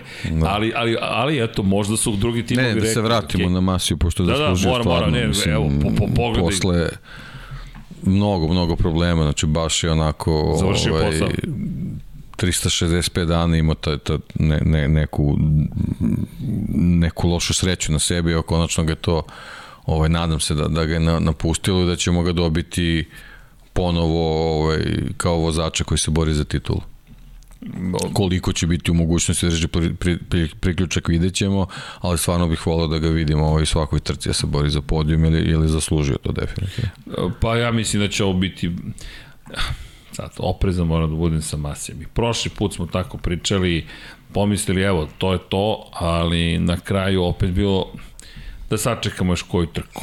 Da sačekamo još koju trku. Ajde da budemo mudri ovoga puta. Fođa nije bio daleko, manje od dve desetinke zaostajao na kraju. Minju je, kao što si lepo rekao, tu i Ayumu Sasaki je tu. Ayumu Sasaki, da nije ovog peha na prvoj trci, pa incidenta, Ayumu je, Ayumu je apsolutno u igri i mislim da ovo bilo mudro što je uradio Denis Fođa, sebe sačuvao praktično od svih problema i na kraju dana skupio prilično velik broj bodova, 74 poena, kada pogledamo generalno kroz šampionate, 70 poena za Vijetija u Moto2, 74 za Fođu u, u, u Moto3 i imamo 61 poen u Moto Grand Prix. Dakle, najviše poena cele sezone je Denis Fođa osvojio. To isto nešto govori, rekao bih, u, te, u sve tri kategorije. Po tu Moto trojkama osvojiti najviše poena od svih. Tako da tu, tu zaslužuje pohvale. Izan Givara, Ah, opet kazne, problemi. Ali dobro, dobro se dobro se snašao, mislim sa yes. sa ovaj dugim krugovima, tako da okay, to je stalo. Samo ogromna razlika. Jeste. Od jeste. 33 poena. pa, u, u, u finišu trke je čak počeo da hvata priključak Jeste, sa... jeste. Malo lepo, lepo je vozio, da, da. Jeste. Poslednjih par kruga je baš lepo Pa vozio. onaj tako peh da, iz Argentine, da, najveći da, problem. Jeste, Jer jeste. trenutno 16 pojena Fođa vodi u odnosu na Garciju koji je drugoplasiran i 33 u odnosu na treće plasiranog Minja. To je već 33 poena. To je već idemo u zonu Pedra Koste od prošle godine. Već polako ulazimo u to. 37 u odnosu na Givaru i Ondžu, Denis Ondžu, E, okej, okay, dobro trka, malo jednu trenutku sam se zabrinuo kad je krenuo da mi vijuga na zadnjim pravcem, bio sam, Da. sam se rekao, nemoj molim te, Denis. Da, i tu, tu to- trebamo da se osvrnemo, ovaj, dosta su, Na incident. discipli, ne, dosta su disciplinovaniji Jesu. i to mi je okej. Imali smo incident, ali suštinski nije bio takav Ne, ne, ne, incident. nije, ono je nije, nije. splet okolnosti. Nadam se da će samo nastaviti tako ove sezone i okej smo onda. Jeste. Čavi Ortigas, opet šesti, dva puta šesti u prve četiri trke. Carlos Tataj, dva puta osmi poslednji dve, ali taj CF Moto generalno je tim koji uči, postavio se. Preostal Grand Prix je stara ekipa, ali CF Moto meni se i dalje dopada šta rade. Ja i dalje verujem u Carlosa Tataja, ali ajde, vidjet ćemo, možda se samo pod utiskom tog, tog, tog katarskog nečeg što sam video u Kataru, što me u- ukupilo kada je reč o, o toj ekipi. I, stvarno mi djeluje dobro CF Moto. Ali dobro, Moto trojki standardno, što, što se tiče generalno bitaka, uzbudljivo do samog kraja, neizvesno, ko će, gde će, šta će, zašto će, kako će. I opet i greške Kaito Toba koji eto, bio u tom incidentu, ali Diogo Morira jedan od jačih utisaka. Zaista Jest, jedan od jačih jest. utisaka. Još Brazila. Utisak priča. Apsolutno. Pazi, on je dečko bio tu u borbi je, ok, četiri Znaš, trke, lepo, dva šesta lepo je mesta. kad imaš, imaš priliku da budeš, da nekom ostaviš dobar utisak posle jedne eksplozivne sezone kako nam je doneo Jest. Pedro Acosta. Tako da Jest, super jest, je kad ti u toj kategoriji pokažeš da si, da si onako lepo osveženje. To je onako baš super. Jeste. I ima još jedna stvar, ne tiče se toliko trke, u, svako se ne tiče se uopšte trke u, Americi, samo ih da spomenem, Moto je šampionat, polako ali sigurno nam stiže. Zaista smatram da ga treba spomenuti iz par razloga. Ove sezone će imati dosta drugačiji šampionat. Novi su motori stigli, zanimljivo je da, da eto, stižu novi motori. Dakle, gume su, su, promenjene. Michelin je produžio ugovor za snabdjevanje gumama Moto E klase. Inače, Lukas Tulović je baš lepo rekao koliko Michelin Moto E motociklima sjajno funkcioniše po kiši, kaže da u odnosu na Dunlop to nebo i zemlja, zaista. Re, Dunlop generalno po kiši mnogo slabije funkcioniše, kaže sa Michelinom prijanjanje manje više gde hoćeš. Michelin će tu ostati, ono što je zanimljivo, Michelin će po, će ove godine uvodi još više postotka gume koji se stvara od obnovivih materijala što je zanimljivo, naranđina kora i tako dalje. E sad, ne samo što je to pohvalno, pa sad čuvamo prirodu, nego nešto drugo. Svaki put kada povećate broj a to je procenat organskih materijala, povećava se mogućnost da guma ne bude konzistentna. To se događa u Moto Grand Prix. Zašto? Pa zato što pomoranđa nije uvek identična. Jednostavno nije sintetizovana i onda dolazimo do toga da zahvaljujući tim variacijama u osnovnoj sirovini, dođemo do toga da se gume ne ponaša uvijek identično. To su mikro razlike, za nas na drumu gotovo i relevantne, ali kada se borite za desetinku, hiljaditinku sekundu, i te kako bitne. Tako da eto, to mislim da treba da napomenemo pred početak sezone i još jedna stvar, novi kvalifikacioni format, dobili su Q1, Q2, najzad rekao bih, ne znam da se slažeš sa mnom, i pol mislim da uopšte ne odgovara formatu svetskog prvenstva, u Superbajku postoji Superpol, navikli smo na to, to je nešto što je deo kulture Superbajka, ovo je pol kao da štrči u celoj priči i sad su ih podelili Q1, Q2, i Energica je spremila nove punjače. Dakle, novi punjači, zašto su bitni ti super brzi punjači? Zato što ko iz Q1 prolazi u Q2, a ako nema super brži punjač, bukvalno Nikolas Guber koji vodi inače celu priču je rekao, sad imamo punjač koji za 6, od, za period od 6 do 9 minuta puni za dodatna dva kruga. Dobro, to su generalno inovacije Tako koje, je. koje služe razvoju svih tih tehnologija, tako, tako da ne bih ja samo gledao kroz taj neki takmičarski ovaj, kroz takmičarsku prizmu, nego jednostavno moto je šampion, trebamo da gledamo kao eto, nešto što služi Razvojni. razvojima tim tehnologija, ovaj, sad da li ih opterećivati sa tim ovaj, kako je Apple, kako se zove. Da, to, to su ukinuli sada. da, sad to Q1, je- Q2 klasično. Da, Q1, Q2 je u stvari prava Pa prava je, mera, zato što nekako na taj način uozbiljava šampionat, ali kažem, ne, ne bih sad ovaj, ulazi u te neke, neke, neke takmičarske elemente, ali generalno trke su bile zanimljive, kako god, tako da ovaj, moguće da, da ćemo sad možda dobiti još neku zanimljiviju priču, ali generalno Q1, Q2 je nama interesantan za, pre svega za Moto Grand Prix zbog imena koja su tu pa sad ko će proći, neće proći. Ovako što se tiče Moto E, ne bih sad da, da, da omalovažavam vozača koji voze tamo, nego generalno nam je sve jedno ko se gde, nalazi, osim kad dođe neka borba za titulu, pa malo kad se navijački uključi, uključiš u tu priču, ali generalno simpatično je gledati te, te trke i kažem, mene su kupili prošle godine zbog tih prenosa i, i, i, i audio utiska kojeg su Jeste, pre, prenosili, jeste. tako eto nadam se da će to ostati ove rekao godine. TIE Fighter. Pa da, da, tako su mi zvučali, da, da, da. Nekako, bez obzira što su električni o, i ono, samim tim ovaj, nekako je predubeđenje da su bešumni, oni su ostavljali utisak, tim zvukom su ostavljali utisak Pravo moći. trkanje. Tako, Tako da, moći, eto, to, to je rekao. simpa, ovaj, tako da ako, ako ostanu na tom nivou, ali skroz je druga priča, tako da dok ne krene, dok ne krene Znaš, šampionat, tako je. ne možemo da vidimo Ali kako šta će mi je biti. još super? Imamo po dve trke tokom vikenda, svakog vikenda. Sedam trkačkih vikenda, ukupno 14 trka. To mi je već To šampion. je ozbiljan šampionat. Tako je. Sa Q1 i Q2 su ga već dodatno ozbiljili, a ovo je prava priča 14 trka, Ej, tu je baš pregreš bodova u igri. još malo što nedostaje jesu interkontinentalno putovanje, ja bih ga pre nazvao šampionatom Evrope.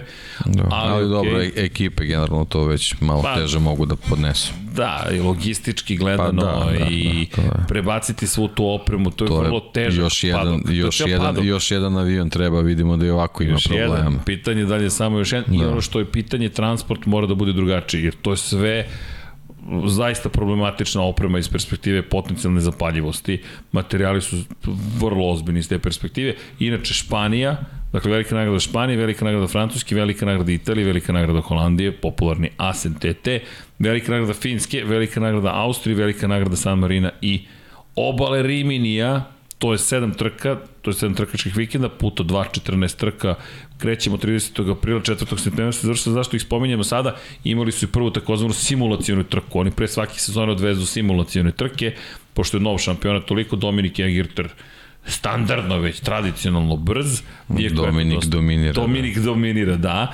I to je baš bilo onako zanimljivo. I kada spomenemo već te stvari, da spomenu, kada spomenemo Dominika Egirtera, Superbike, svetski šampionat u Superbajku, ja ne znam da li ste gledali trke, ali početak sezone, u super, ne znam da je bilo bolje, da li u super sportu ili u Superbajku, ali ljudi, počela je sezona onako kako bi trebalo da počne jedna sezona, ozbiljno, prethodnog vikenda, Kome je pripala super pol pozicija? Topraku razgatli oglu, koji je pobedio u prvoj trci. Čudna mi čuda Jonathan Rea, koji je pobedio u drugoj trci.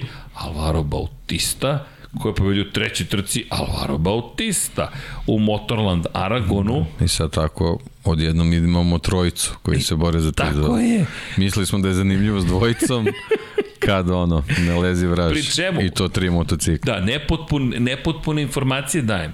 Pobedio je Rea u prvoj trci, ali u drugoj trci bio drugi, u trećoj trci bio drugi. Gde je bio razgatli oglu u te tri trke? Treći, treći i treći. I sad kao čekaj, 57 poena Bautista, 54 poena Rea, 39 branilac i tu razgatli da. oglu. Da sve bude još kompleksnije, ko je tri puta bio četvrti? Gospodin Rinaldi. I sad kažeš, čekaj. Koji je prošle godine uvek bio tu, ali, ali je. malo nedostajalo, da. Ne, fenomenalno, krenulo je zaista mnogo lepo. Mada sam dobio jedno zanimljivo pitanje, šta je Scottu Reddingu trebalo da ode u BMW? I sad, možemo da pred, pretpostavljamo novac, želja za dokazivanjem, možda i nezahval, ne, ne, ne, ne nezahvalnost, nego nezadovoljstvo nekim stvarima u Ducatiju, kako god otišao je u BMW, šta će biti, nemamo pojma. Čekamo Redding, prva trka 15. druga 12. treća nije završio, ali za sada mislim da BMW mora još da se strpe. Ono što je lepo, ko vozi još na BMW-u, ko nastupa ove godine ne za svetski, za, za glavni tim, da tako kažem, već za Bonovo Action BMW na M1000 RR-u. Čovjek sa najboljim brojem univerzumu, broj 76, Loris Baz, tako da haha, imamo za koga da navijamo. Loris Baz inače bio 11. pa 13. pa 7. Ali lepo, osma pozicija, čovjek ko vozi u Americi prošle godine i eto, Francus se vratio na velika vrata. Njega moramo da intervjušemo. Šta imate da kažete za Lab 76? Mislim da imate najgotivniji broj za početak. Da, inače sa Eugeneom Levertim je na, na BMW-u, ali eto, pokazati da BMW ima tu što. Inače, ove godine, Yamaha, Ducati, Honda, BMW-ovi, Kawasaki, super izgleda šampionat iz te perspektive i ne samo ovaj šampionat, već spomenuo bih i super sport, zato što super sport zaslužuje pažnju. Ko je pobedio u prvoj trci? Lorenzo Baldassari. Ljudi, Balda se vratio, možda nije svetskom šampionatom motociklu, ali gledam i razmišljam, da li je moguće? Moguće. Ko je imao najbrži krug? E, Dominik Egerter. Ko je u drugoj trci imao najbrži krug? Dominik Egerter. Ko je svoju pol poziciju? Lorenzo Baldassari. Ko je pobedio u drugoj trci sezone? Dominik Egerter. Šta mislite, ko će se ovde boriti za titulu? Inače, ko je bio drugi u prvoj trci? Dominik Egerter, ko je bio drugi u drugoj trci? Lorenzo Baldassari, 40 poena jedan, 40 poena drugi i fenomenalna trka, ja mislim da nas tamo čeka. Inače, pohvale za Džana Ondžua, Džan je bio treći u prvoj trci, nije završio drugu, šteta, Nikolo Bulega, sve odmetnici iz Moto2 klase su tamo, peti u prvoj, treći u drugoj, i trenutno je treći u šampionatu i sad kažeš, čekajte ljudi, sve ove ljude znam. Stefano Manci, sedmi i osmi. Niki Tuli, čovjek koji je trebalo da osvoji titulu Moto E klasi na MV Agusti, peti u šampionatu sveta. Ok, čekaj, vodeći, Egerter, Moto2 šampionat. Lorenzo Baldassari, Moto2 šampionat. Nikolo Bulega, Moto2 šampionat. Glenn Van Stralen je prvi koji nije iz te ekipe, inače Holandjan je toliko nepoznat da manje više niko se njime nije ozbiljnije bavio dva puta četvrti, onda Niki Tuli koji je vozio Moto trojkama i Moto E klasi i Stefano Manci i Gian Onđu. Od vodećih 7-6 ih je došlo iz svetskog šampionata. I imaju šta tamo da traže. Ali dobro, Žil Kluzel još uvek vozi. Ko pamti Žila Kluzela iz 2010. u Moto dvojkama. Eto, mi, mi nasmijali smo se i Rafaela de Rosa. Da ne zaboravim Rafaela de Rosa. Čovjek vozio 250 kubika još. I tako. Dobar šampionat ovo obvezno ga ispratite. Ne analiziramo previše, ne možemo postignemo sve, ali baš dobar šampion. Pa da, ali dobro, kad, kad se spominjem, nismo prošli kroz Superbike koje. Da, da, da, da, da, izvini, izvini, upravo si Superbike, ajmo. Peto mesto u šampionatu i Kerlekona. I, i Kerlekona, da, tako je. Ko je šesti? Čavi Vjerke. da. dakle, da. to su sve ljudi iz MotoGP-a ili iz Moto dvojki. Dakle, inače, nema Sema Lousa, ali ima Aleksa Lousa, brata blizanca, koji trenutno na Kawasaki, prvu trku samo nije izvršio, je bio 6. i 5. i bilo je to dobro. Gerrit Gerlov koji nas je posetio, makar za jednu trku, tako da je tu Gerrit, mada on na Yamahi, a, da. muči se. Eugene Leverty, ali generalno izgleda Yamaha pa. i tamo ima problem, ovaj, najavljeno je da će razgati oglu da, za sledeću trku da se vrati na prošlogodišnju specifikaciju. Da, inače on deli garažu sa Andreom Locatelli, da. još jednim vozačem iz svetskog šampionata koji je stigao. Inače, Andrea Locatelli vozio za Leopard Racing, iste godine kada su vozili ko? Fabio Quartararo i Joan Mir. Prošle godine ko je osvojio titul u Supersportu? Andrea Locatelli. Hvala lepo. Dobar Ili pelc. Dobar da, da, pelc. dobar pelcer. Nešto znaju tu da izaberu. Da, zna, im, imaju, imaju, imaju njuh za to. Inače, u HRC ekipi su i Kirlikone Čavjerhi. To takođe ne smemo da zaboravimo. Inače, i Filip Petel vozi ovde. Filip Petel koji pomalo zaboravljen, ali takođe stigao iz cele priče i Hafiz Šarin i ljudi na Hondi. Tako da imate... Da, za čekamo da Honda da se priključi taj u taj triling da. ovaj, Kawasaki, Yamaha, Ducati, još Honda ako se vrati ima dosta trke, ima treba gledati, samo, samo je baš teško tokom vikenda uklopiti sve i gledati. Ne, pogotovo ovog pa, iza nas. Čekaj, i Formula 1 od 5 ujutro i MotoGP. Moto Grand Prix, futbal, ko će to sve da uklopi. Juče sam spomenuo, za onih koji nisu gledali, deki mi poslao samo jednu poruku. Da li si se naspavao? Odgovora nije bilo. Šta? Čega? Nisi mi ni odgovorio. Nisam odgovorio, mi smo su deki, ne snage čak da odgovorim, a ja ne znam više gde jurim i šta radim. Inače, Leko, izvini što ti nisam odgovorio, sad sam shvatio, da, sve da. Ali Lekone Vjerhe prve trke, evo koleginici iz prodaje odmahuje, ne znam zašto kad sam responzivan. Ali dobro, sinujem makar. Ok, konstatovao sam. da, sad poslao sam matketu našem drugaru. Sinovo si me i smo smajli. Šta ti to znači? matki, matki, imaš preko 50 godina, morat ćemo te naučimo novim trikovima. I tako. Došli smo do kraja jednog dela emisije. Deki, oh, wow, dva i po sata, prođe vreme, leti vreme i tako dalje. Ima neko neko pitanje? Imaš na Patreon. Imam na Patreonu, čekaj, sad ćemo. Odmah ćemo da rešimo. Će Vanja da, da se ovaj, priključi. Vanja! Va, Vanja, čekaj, imao si dobro... Ili imaš papirić, ne? Ne, imaš papirić. A ne, Ne, moraš se ozvučiš. Moraš se, molim te, za sledeći sredu očekamo od Vanjin kutak. Okay. Smisli, zovi prijatelje, prijateljice, traži nešto i reci, hoću dobro pitanje. Dobar deal. Deal. Dogovoreno, Vanja. Dogovoreno, Vanja. Um, da vidimo. Mario. Mario Vidović, pozdrav jedno pitanje. Koji motor od ovih trenutnih na gridu bi najbolje odgovarao Stoneru i Lorenzo u njihovom prajmu? I kad će specijalo Lorenzo? Veliki pozdrav i ostanite zdravi. Hvala, stiže polako, stiže specijalo Jorgeu Lorenzo.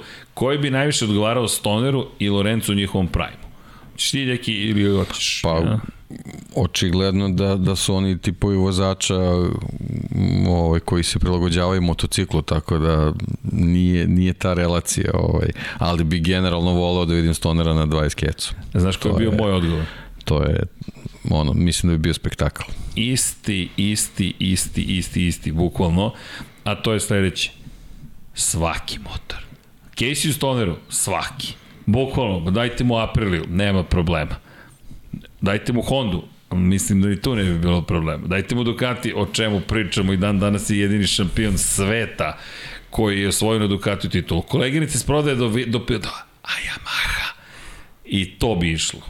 I to bi išlo, ne, Casey Stoner jedinstven po tom pitanju. Nema motocikla koji on nije vozio da mu nije odgovarao. Prosto tako je. Što se tiče Lorenca, samo bi mu bilo potrebno malo više vremena. Malo vremena, da. To, to, to, znači to je jedino, ali, ali čujte, to su... I da se ne povredi posle pada. Da. to je Ne, a bitno. to I je onda baš kad ironija. krene, onda nije to problem. je baš ironija da. da dođeš u situaciju da da, da, da, da, da te motocikl zbaci, ko je zaboravio čuveni njegov pad na Tajlandu. Čuveni pad na Tajlandu, to je baš bilo, baš je bilo nekako, Sećaš se Laguna Seki, Yamahi. kako ne, Kako ono je ne? nevjerovatno bilo. Strašno. Ja mislim da je, da je, Kina Yamaha, da je letao u vis više nego Marquez sad u Indoneziji. E, ja mislim da jeste. Baš smo to spominjali. I, I Kina, ako se sećaš, kad je polomio obe noge. Jorge isto, da, da se vratimo na Kostu. Tražiš granicu. Nažalost, u ovom sportu ćeš je naći, tu ćeš je naći. Kada motocikl kaže, e, okej, okay, ja ću sada da, do, da odletim gde treba. Bukvalno. Tako da držite palčeve da dobijemo takve vozače ponovo koji, koji su potpuno nevjerovatni. Iskreno ja stojim iz ovoga. Mislim da bi Stoneru odmah odgovaralo, on bi već u prvoj trci sezone bio od odmah u vrhu. Ne, nema tu šta. To je fascinantno, to je Niki Hayden stalno pričao. Ljudi, on u prvom krugu bilo kog motocikla, bilo koje staze postavi najbolje vreme. Niko ne zna kako on već zna kako će to da to je tako magija neka i onda dođe u garažu posle dva kruga. Zašto je Rossi dosta prepotentno, arogantno gotovo pristupio Ducatiju. Ako se vratite u te, ta, te treninge, znači ti treninzi, sad sam imao flashback u Argentini, deki, treninzi od po sat, treninzi od po 60 minuta, MotoGP-a i tako dalje. I razmišljam, čoveče, mi smo ovo radili. 60 minuta, pa pauza, pa 60 minuta. I znači se kad su skratili na 45, kao, wow, kakva promena. I sad kad su vratili na 60, čak nismo mi prokomentarisali, mi smo se zabavljali naših 7 i po i ne znam ja koliko sati, nego je David Emmett sa Motometrasa pisao, sad se sećam koliko su beskorisni ovi treninzi od 60 minuta otprilike, jer to, odgovara ekipama, ali za komentarisanje, praćenje, prikupljanje podataka, wow, baš traju na motociklima, na Formuli 1 to nekako brže prođe, ali činjenice da smo i to radili. I onda imate Casey Stonera koji izađe odveze dva kruga merena, dva kruga i vrati se u garažu i sedi 15 minuta. Dva kruga, vrati se dva kruga vrati se, a ostali 1, 2, 3, 4, 5, 6, 1, 2, 3, 4, 5, 6, 7, cele simulacije, onda Casey Stoner 8 brzih krugova, ovio po 25 brzih krugova i znam da je Rossi prokomentarisao, možda bih bolje razumeo Ducati koliko može kada bi Stoner vozio, kada bi zapravo se Stoner više trudio, jer kao premalo krugova provodi na motoru. Dve godine kasnije rekao, ja ne znam kako je Stoner vozio ovaj motocikl, tako da i baš je pohvalio Casey i rekao, ovo je Ovo je nevjerovatno. Šta, pokušao sam da vozim ovako s ovim podacima, ovo nije moguće. Tako da Casey stojim pri tome, a Jorge, Jorge je više časovnik. Čekajte, stop, to je klasičan hronometar. Da nađe me, onda će to da ide. To je ovo što je Bastianini vozio sada. Tap, tap, tap, tap, tap. Ti vidiš kako obara motocikl, kako isprede motocikl. Nema zadnji kraj. Nisam vidio jednom da mu je zadnji kraj istupio. Nijednom. Nijednom. Stvarno izgledao fenomenalno i baš je dobro, baš Jorge u najboljim danima. E, da, e, čekaj da vidimo šta Donacija još imamo. imaš. Donacija. Kaći specijal Lorinsu, Edo Edo, o, hrvatskih 25 kura donira, hvala. Edo Edo, mm, pa mislim da će, ali čekajte, kako? A kaže Vanja kad bude šampion. Pošteno. Pa ne znate kako, nije još baš zaslužio još specijal, a drugo čovjek vozi još uvek. Dakle, da, za Rosija smo uradili specijal, ali Rosija je toliko toga već bio postigao u tom trenutku. 9 titula, 115 pobjeda, ne znam nija šta sve, pet i po sati smo pričali. Tako da, još za Rinca polako. Biće, doći će taj specijal, ali polako. Da, da, Žuk Đorđe ima zanimljivo pitanje, da li se, po našem mišljenju, Moto3 promeni u ovoj sezoni? Ranije se moglo učiti da skoro svako pobedi sa bilo koje pozicije, ove sezoni su ljudi odvajaju po nekoliko sekundi. I to se primećuje. Da, da, pa primetili smo od, od prve Da. trke tako. Ne znam uopšte Sa, šta se desilo. nam je ovaj, ovaj, to prvi demonstrirao, pa smo mislili da, da je neka anomalija, međutim, evo, vidi se da, da, da, da se nešto promenilo i tu. Da, inače, uh, slažem se, nema, ne, ne, sad još da shvatimo tačno šta se događa, ali da, drugačije, nemamo više kolone od po 15 vozača. Da, pa možda su šampionatno napustili neki vozači koji su držali te priključke, sad ih možda nema, možda se veliki gap napravio sad između nekih Po kvalitetu. vozača po kvalitetu, možda i ekipe ipak bila je pandemija, nije, nije isključeno da, da ipak je Moto Trojka neki treći možda. šampionat, nove staze, budžeti, svašta nešto tu ima. Vidjet ćemo kad krene Evropa pa, pa ćemo da vidimo kako, kako to tu izgleda. A ako se nastavi pa ćemo eto malo da izanaliziramo da vidimo zašto je tako. Da, evo pitanje, Muki Alex kaže, e, hoće li Fabio igde pobediti ove godine? Hoće, Hoće, hoće, hoće, hoće. I to ne jedno. Jerez. A Jerez, pa Jerez da, to, to. Ako tu ne pobedi, to jest ako tu bude opet E, da, onda je alarm ozbuljen. onda, onda već Yamaha, ne znam šta može, stvarno ne znam šta može da pometi. Kojim uverenjem ćeš ti reći Fabiju ostani ovde? I nemoj da potrošiš još jednu svoju godinu. Uh, inače Nikola M kaže Alex Marquez deluje da je jedan od onih koji posle pada ne mogu da se vrate pre dve godine vozio odlično do onog velikog pada i od tada ga baš nema moguće, moguće Alex je drugačiji mada bilo je ranije padova jednostavno Pa nije, pre dve godine je dobro vozio kad se rešio na zadnji kraj Honda.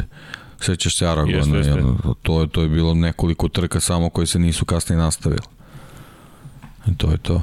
da inače To je naj, najsvetliji njegov period. I beše, jel iza Rinsa beše bio, kako je bilo u Aragonu? jeste, Rins je pobedio u Aragonu Ona fotografija da je identično slave, jel tako? Jeste, to je bio, jeste, e. jeste, jeste, I jeste, to je bio taj bljesak i kad se očekivalo će to da se nastavi, nije baš tako išlo. Da, inače, da odgovorim na pitanje, pošto pitaju ljudi ko je, koji je problem konkretno ima Marquez, ni Honda još uvek ne zna. Honda to istražuje trenutno, nije upalio pit lane limiter, samo je rekao da je tehnički problem doveo do toga da se alarm pokrenuo, on je čak krenuo da podigne ruku da zaustavi start trke jer je imao tehnički problem, međutim nisu videli, prosto nisu dovoljno brzo odreagovali i pustili su ceo karavan, Prosto to se u tom trenutku dešava. Sve puštaju karavan, svi prolaze pored njega, srećem bezbed. To isto moglo da bude problematično, da se blago izrazim, tako da se još ne zna tačno. Ono što je jedino sigurno da nije uključio ograničenje brzine za vožnju kroz pit lane. Inače, alarm imao tokom cele trke. Samo prosto nije Da. funkcionisao i ono što je zanimljivo do prve krivine mu je whole shot device, to jest uređaj i whole shot mu je bio aktiviran i onda se deaktivirao i od tog momenta mogao da vozi normalno. Desi se prosto. I to je jedna od posledica toga što imate tako kompleksne motocikle. Inače, to se Da, desi. pa je to je nešto slično što se dešilo onda i Doviciozu. Jeste. Prilike, u Argentini, tako? Jeste. Prosto problem, dešava se mnogo uređaja, bitka za svaki delić sekunde, pozicije i tako dalje. Da, da vidimo da li još neko imamo pit, pitam, da, i Maxova Honda, Curi, Marquez, sve imaju probleme. Pa dobro, ima tu problema. Ko zna šta se dešava. Šta je sa fantazijem? Jao, sa fantazijem, čekajte koji je imao je ne u Bastianini, ja u fantaziju. Tako je, nisam jedini. Ta, ta, ta, ta, ta, najzad, čekajte koleginici iz prodaje, pa Vjerojatno najzad. 80% učesnika fantazije ima Bastini. neka, neka ih imamo, neka. 63. od 4000 ljudi u Formuli 1. Respekt, ne, aj za koleginice. A, koji ste u ligi? Uf, o, znači lošiji ste od Deki i mene. Ja sam Deki skočio na 300, 367. Mislim da smo negde blizu. poziciju.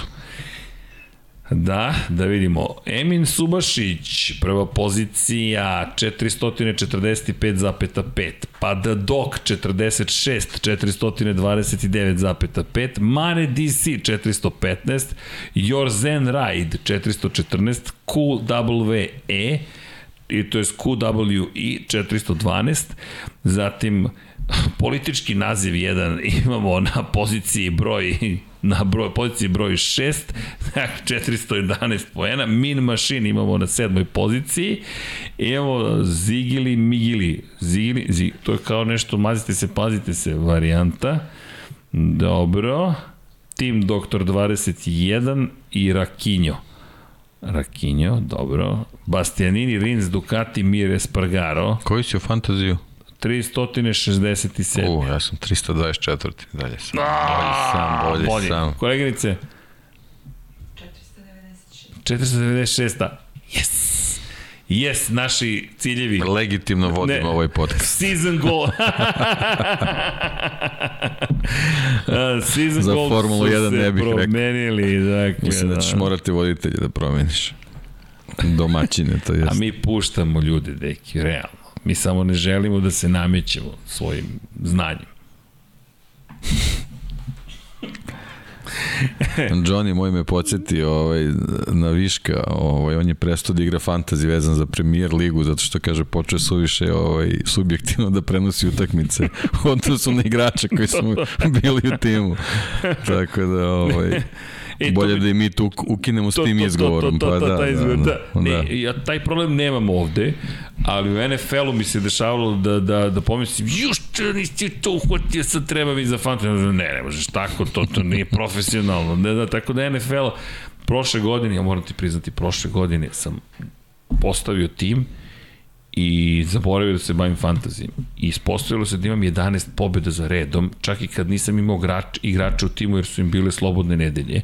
Nekim čudom sam sve utakmice dobio, sve. 11 utakmice nisam otvorio fantazi, to je zvanični fantazi sport kluba bio. I kao Sergio, ubijaš, ja razmišljam, da ok, uđem posle 12. utakmice, tad sam da pretrpeo prvi poraz, neko mi je rekao najzad, najzad si pobeđen. I ja razmišljam, šta sam pobeđen, gde sam pobeđen, nisam teo to da im tad priznam, sad mogu da im priznam. Mislim da je moj fantasy gotov, ja kasnim trku i po za prvim, tako da A, polako, obrati pažnju na korišćenje... cilj mi je, cilj mi je da uđem u 300. A, ne, ne, ne, ne, ne, ne, ne.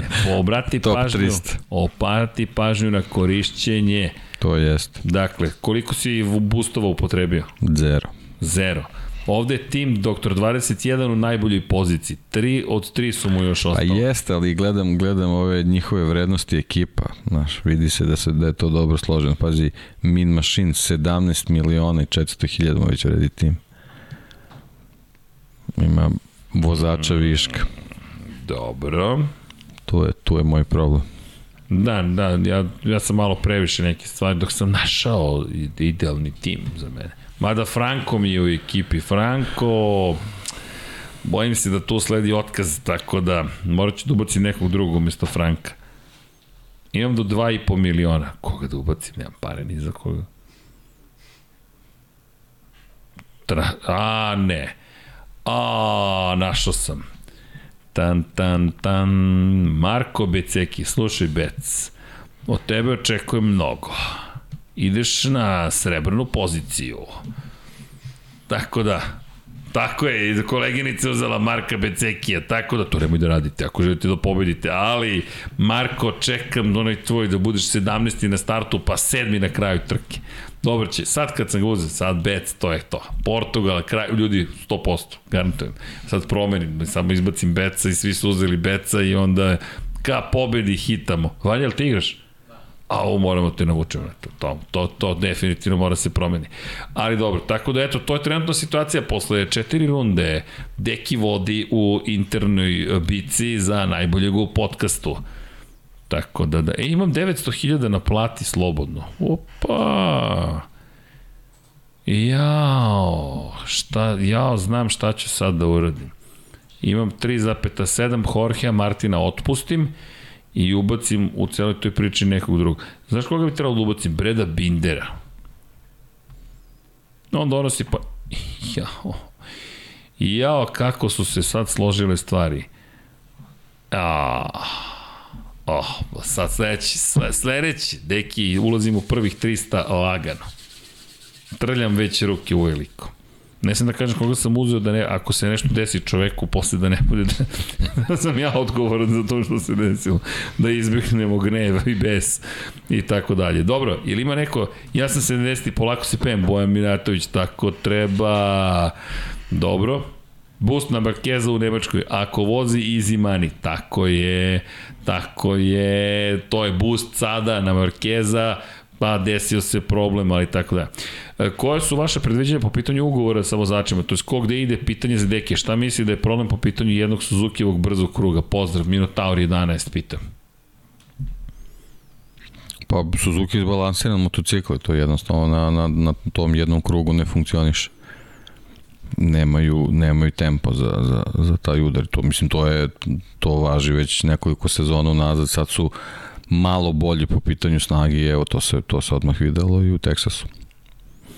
Pa otprilike to je to. Dakle, da, mislim da, da jo, još, još nisu ono baš da, da budu sigurni da mogu da, da, da se takmiče za pol poziciju, ali što se njih tiče u prvi 6-7 kad, kad su, to, to im je već sasvim dovoljno, to je već ozbiljan pomak. Da, evo jedno pitanje, team behind the machine, E, dakle, šta je to što su izbacili zapravo DHL i, i, i MotoGP? Pa ono što koliko ja znam to je njihov neka vrsta kviza zapravo. Imate da li možete da dešifrujete zapravo šta se šta to piše iza dakle neka vrsta promocije ajde da tako kažem za za kako se zove za DHL i puste vam video onda vi odgovarate dakle imate ponuđene odgovore. Tako da ono što žele da to prenesu informaciju, cilj podizanja svesti o tome koliko je komunikacija važna u celoj priči i koliko komunikacija može da bude razlika između pobede i, i, i poraza i ono što je u, u celoj priči zapravo nagrada ko dobije svaki put, ko da tačan odgovor ulazi praktično u lutriju da osvoji VIP ulaznice, VIP hospitality ulaznice za 2023. za jedan trkački vikend. Tako da je to promocije zapravo DHL-a i činjenica da su partneri sa Moto Grand Prix, pa onda pokušavaju prosto da eto, naprave igru kroz to da li možete da dešifrujete ono što piše na tabli. Ne znam, samo pustite sport klub i Ili možemo mi da vam dešifrujemo, vi samo unesite, ali zabava je da sami protumačite šta tu piše zapravo. Kako sam tim sastavio, znači ja ako, ako prođem s ovim timom, ja ću skočiti 150 mesta. Definitivno. Katastrofa, nema veze, nek stoji ovako. To je Eto, to. Tako da znate, dakle, to vam je nagradna igra de facto. Eto malo promocije za DHL i Moto Grand Prix, nadam se da sam pomogao. Moj tim 17,7 miliona, Lala Banat, opa, bravo, bravo, bravo. Raki uh, Fantasy solidno beštija sa boostom i Rinsara, Gold, Miri, Aleš Espargaro, Silver, Ducati. Bravo. Pa da, jedin problem je Ducati, staviš Ducati i to ti je to otprilike. To, to, to niko ne mrda odatle. Jest, ja sam ih imao prve dve trke i, i uzeli su mi milion. dakle, E, jedno pitanje, Uroš Kuturiljo, šta treba da se dogodi da se formula pretvori u MotoGP da skoro nikada ne znaš ko pobeđi i ko će biti u prvih deset? To se neće nikada dogoditi. Nažalost, to ne Budžeti su ogromni da, da, da. i to je ograničavajući faktor. I drugačije je pristup. Znate kako, drugačije su to discipline sporta. Novac, novac je novac je toliko veći u Formuli 1. To je zastrašujuće. Zaista budžet. Nikad u istoriji Formule 1 nije bilo da više Tako, ekipa da, konkurišu. To nije koncept. Da. Prosto, evo, sad ako treću dobijemo, Ne, tri su okej, okay, ali to... više od toga... Ne, ne, ne, ne nije, drugačiji nije, sport. Da, nije to ta priča. Drugačiji sport. Evo dva pitanja za knjige. Kaže Boško, kada će Srki, da, kada će Srki da napiše neku knjigu u vezi Formula 1 i MotoGP, to kada se ja pitam. Ja, ja pišu knjige, mogao bi Srki takođe. Čim objavimo... Ne verujte mu ništa sad što priča. Pričaj ti, Dobro. slobodno. ok, čim objavimo knjigu o Valentinu Rosiju, da vam odgovorim na to pitanje, evo, bukvalno je prelomljena, tački i zareze sređujemo i sa štamparijom se viđamo u subotu, tako da se ja nadam da će to da krene, ili ako se ne vidim u subotu, onda pošto me gleda koleginici iz prodaje mrko, kaže slobodan ti vikend, mogu bi da spavaš, deki i, i koleginici iz prodaje su počeli da vode račun o mom zdravlju, tako da možda eto prespavam vikend, ali naredne nedelje mi se nadamo da će početi da se štampa, tako da znate. I ovo su sad bukvalno tačke i zareze. Kako je vešto izbjegao priču o tome kad će onda I napiše. I kada se to desi, onda sedam sa mojim urednikom, Dejanom Potkonjakom, koji mi je dao temu prošle godine, da vidimo da li ta tema i dalje važi. Ako tema važi, pišem knjigu, jel može? Može. Svi smo se složili. Eto, tako da znate, pitajte slobodno. Ne, ni nije zabranjeno pitanje. Uh, Rossi se piše ručno na papirusima Egipta, nestalim lanih krpa, pa malo kasnije. na, napravit će epizodu Lab 76. Dejan će da mi ispituje šta se sve desilo, ja ću da odgovorim na sva vaša pitanja. Ali kada se pojavi onda, onda ću da budem vrlo radostan. Zašto više nema V na Kine? Veliki pozdrav. Zato što je bilo manje gledalaca nego u Kataru bukvalno. Tako da, nažalost, volao bih da vam kažem da je bolji odgovor, ali interesovanje je bilo... Mislim da, da još uvek ne shvataju ni Dorna, a ni zapravo promoteri trka koliko Moto Grand Prix traži veću podršku od Formule 1. Formula 1 je imala podršku tamo početkom ne znam, 50-ih, 60-ih, 70-ih, čak i, čak je i Bernie Eccleston nasledio jedan šampionat koji imao već ogroman potencijal. I onda ga je pretvorio u medijsko-marketinsku novčanu mašinu, a Moto Grand Prix ima potencijal da nešto slično postane, ali neko mora da razume da se točak neće ukrenuti sam. To, to sam u Kataru shvatio. U Kataru, osim nas koji smo došli poslom, niko nije znao da se trka događa. Niko nije znao da se trka događa. Svi su pitali da li sam bio u Kataru za Formulu da, 1. A i generalno Moto Grand Prix je mlad šampionat.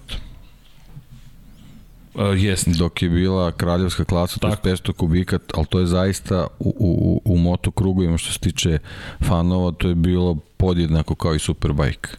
Tako je. Prilike. Tako Jel, je, tako je. Superbike u tom trenutku krenuo u ekspanziju Jest. i bukvalno je bilo neki, nekih, neka decenija gde, gde, gde su ljudi podjednako Jeste. uživali u Superbajku i, i, i u 500 kubika. I Zapravo, tek, razvojem tih, u stvari recimo od neke ere Michaela Duana je to počelo da se, ali pa, sećaš se tog vremena, mislim nama je, nama ne? je bukvalno znak jednakosti bilo na primjer između Fogertija i Duana. Apsolutno. Ne, ne, Fogerty je čak da. u tom momentu Superbike je znao da proda više ulaznica nego Moto Grand Prix, da. nije se zvao Moto Grand Prix.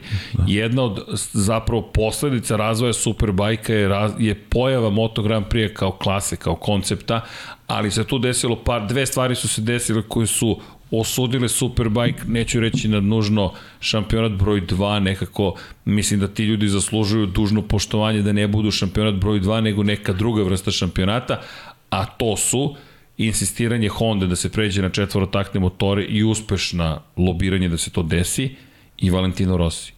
Su dve ključne stvari koje su se desile, jer samo zamislite šampionat u kojem nema Valentina Rossija, koji sa sobom donosi hordu navijača i ne samo to, koji u tom periodu piše neke hollywoodske stranice istorije Moto Grand Prix.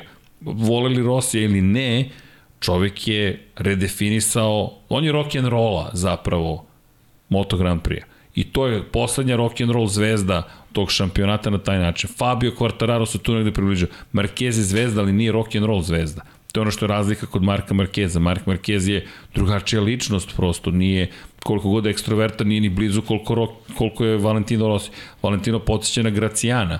Gracijano je imao dugu kosu, čudne boje, specifičan nastup u 500 kubika, prosto dolazi Valentino koji koji, e, ajmo ovako, koji vozač može da ispali Žaka Vilneva, ekipu Williamsa i promotere sajma jednog, koji su ceo bolid Formula 1 doveli zapravo u Italiju da bi se Valentino Rossi pojavio sa Žakom Vilnevom da promovišu taj događaj. To je bila dodela, ja mislim, vozača godine po izboru, ne znam tačno koga. Valentino Rossi se nije pojavio zato što ne da nezvanično, recimo da je mm, i noćni život u pitanju, ali on se nije pojavio. Nije se pojavio i niko mu nije ni od gledalaca zamerio. Da, Jacques Villeneuve se iznervirao, iznervirao se organizator. On je rekao, sorry, imao sam drugog posla. To je rock and rolla klasična.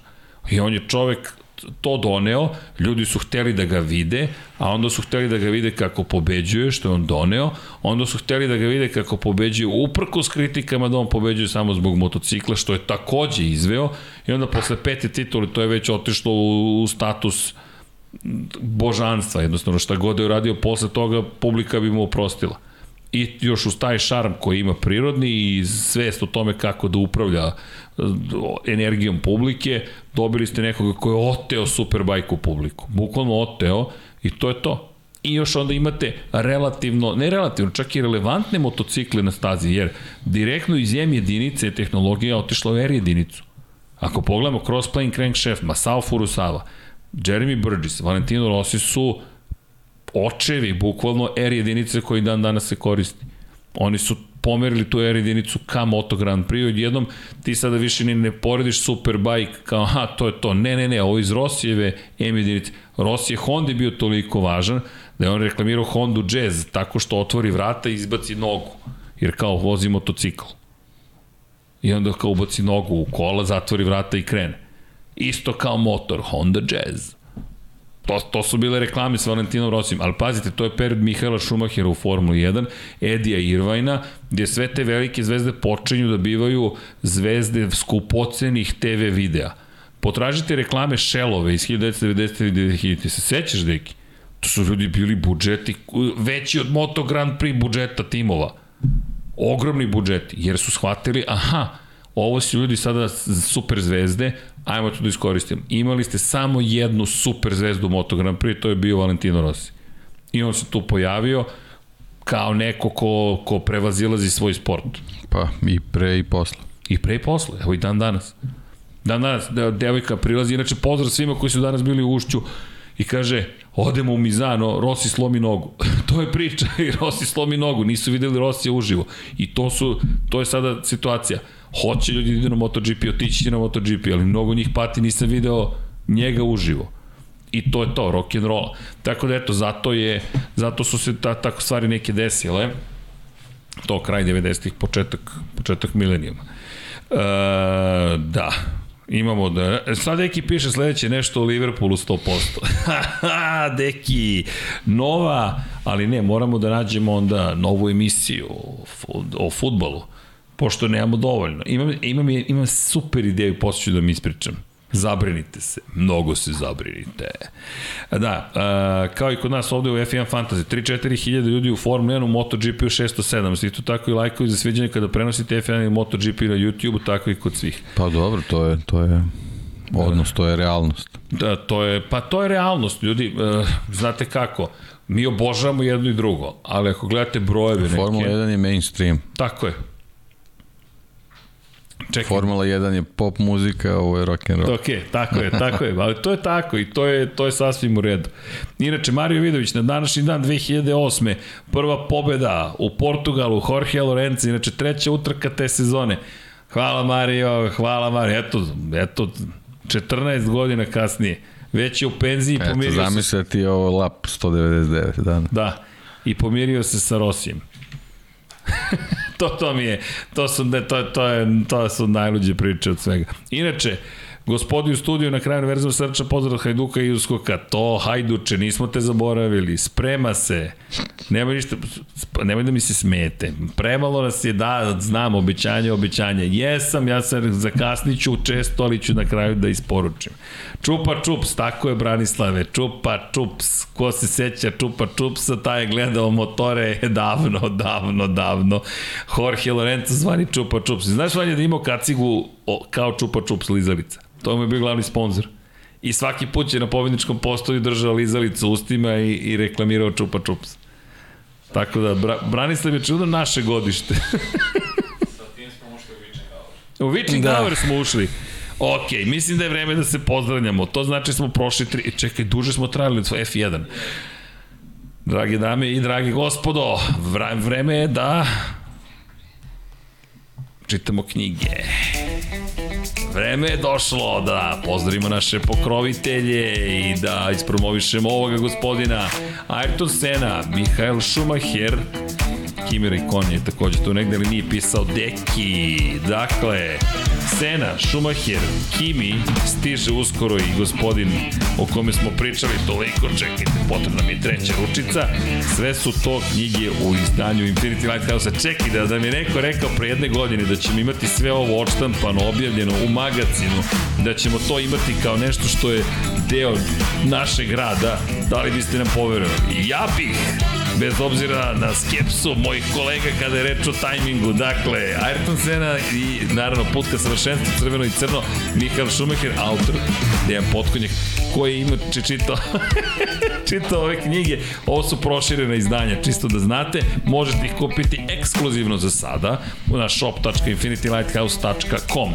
Šta želim da kažem? U ovoj knjizi šta smo uradili? Zahvalili sam se svima koji su na Patreonu i YouTubeu. Dakle, ukoliko želite, između ostalo, ko zna koje vas iznenađenje još očekuje. Šalim se, pružite nam podršku zato što nadamo se da smo dovoljno simpatični, ali činjenice da se trudimo da uradimo lep posao i da vas zabavimo, ako možemo da to damo neke dodatne informacije, ne, ne, ne dajem sebi za pravo da kažemo obrazujemo, ali svakako da podelimo s vama znanje koje imamo, pogotovo ovaj gospodin ovde, Deki živa enciklopedija potkonjak, tako, ga, tako te zovu da znaš, mm -hmm. tako te zovu, ne, ozbiljno, i pitaju kad ćeš da dođeš, pitaju za Paju.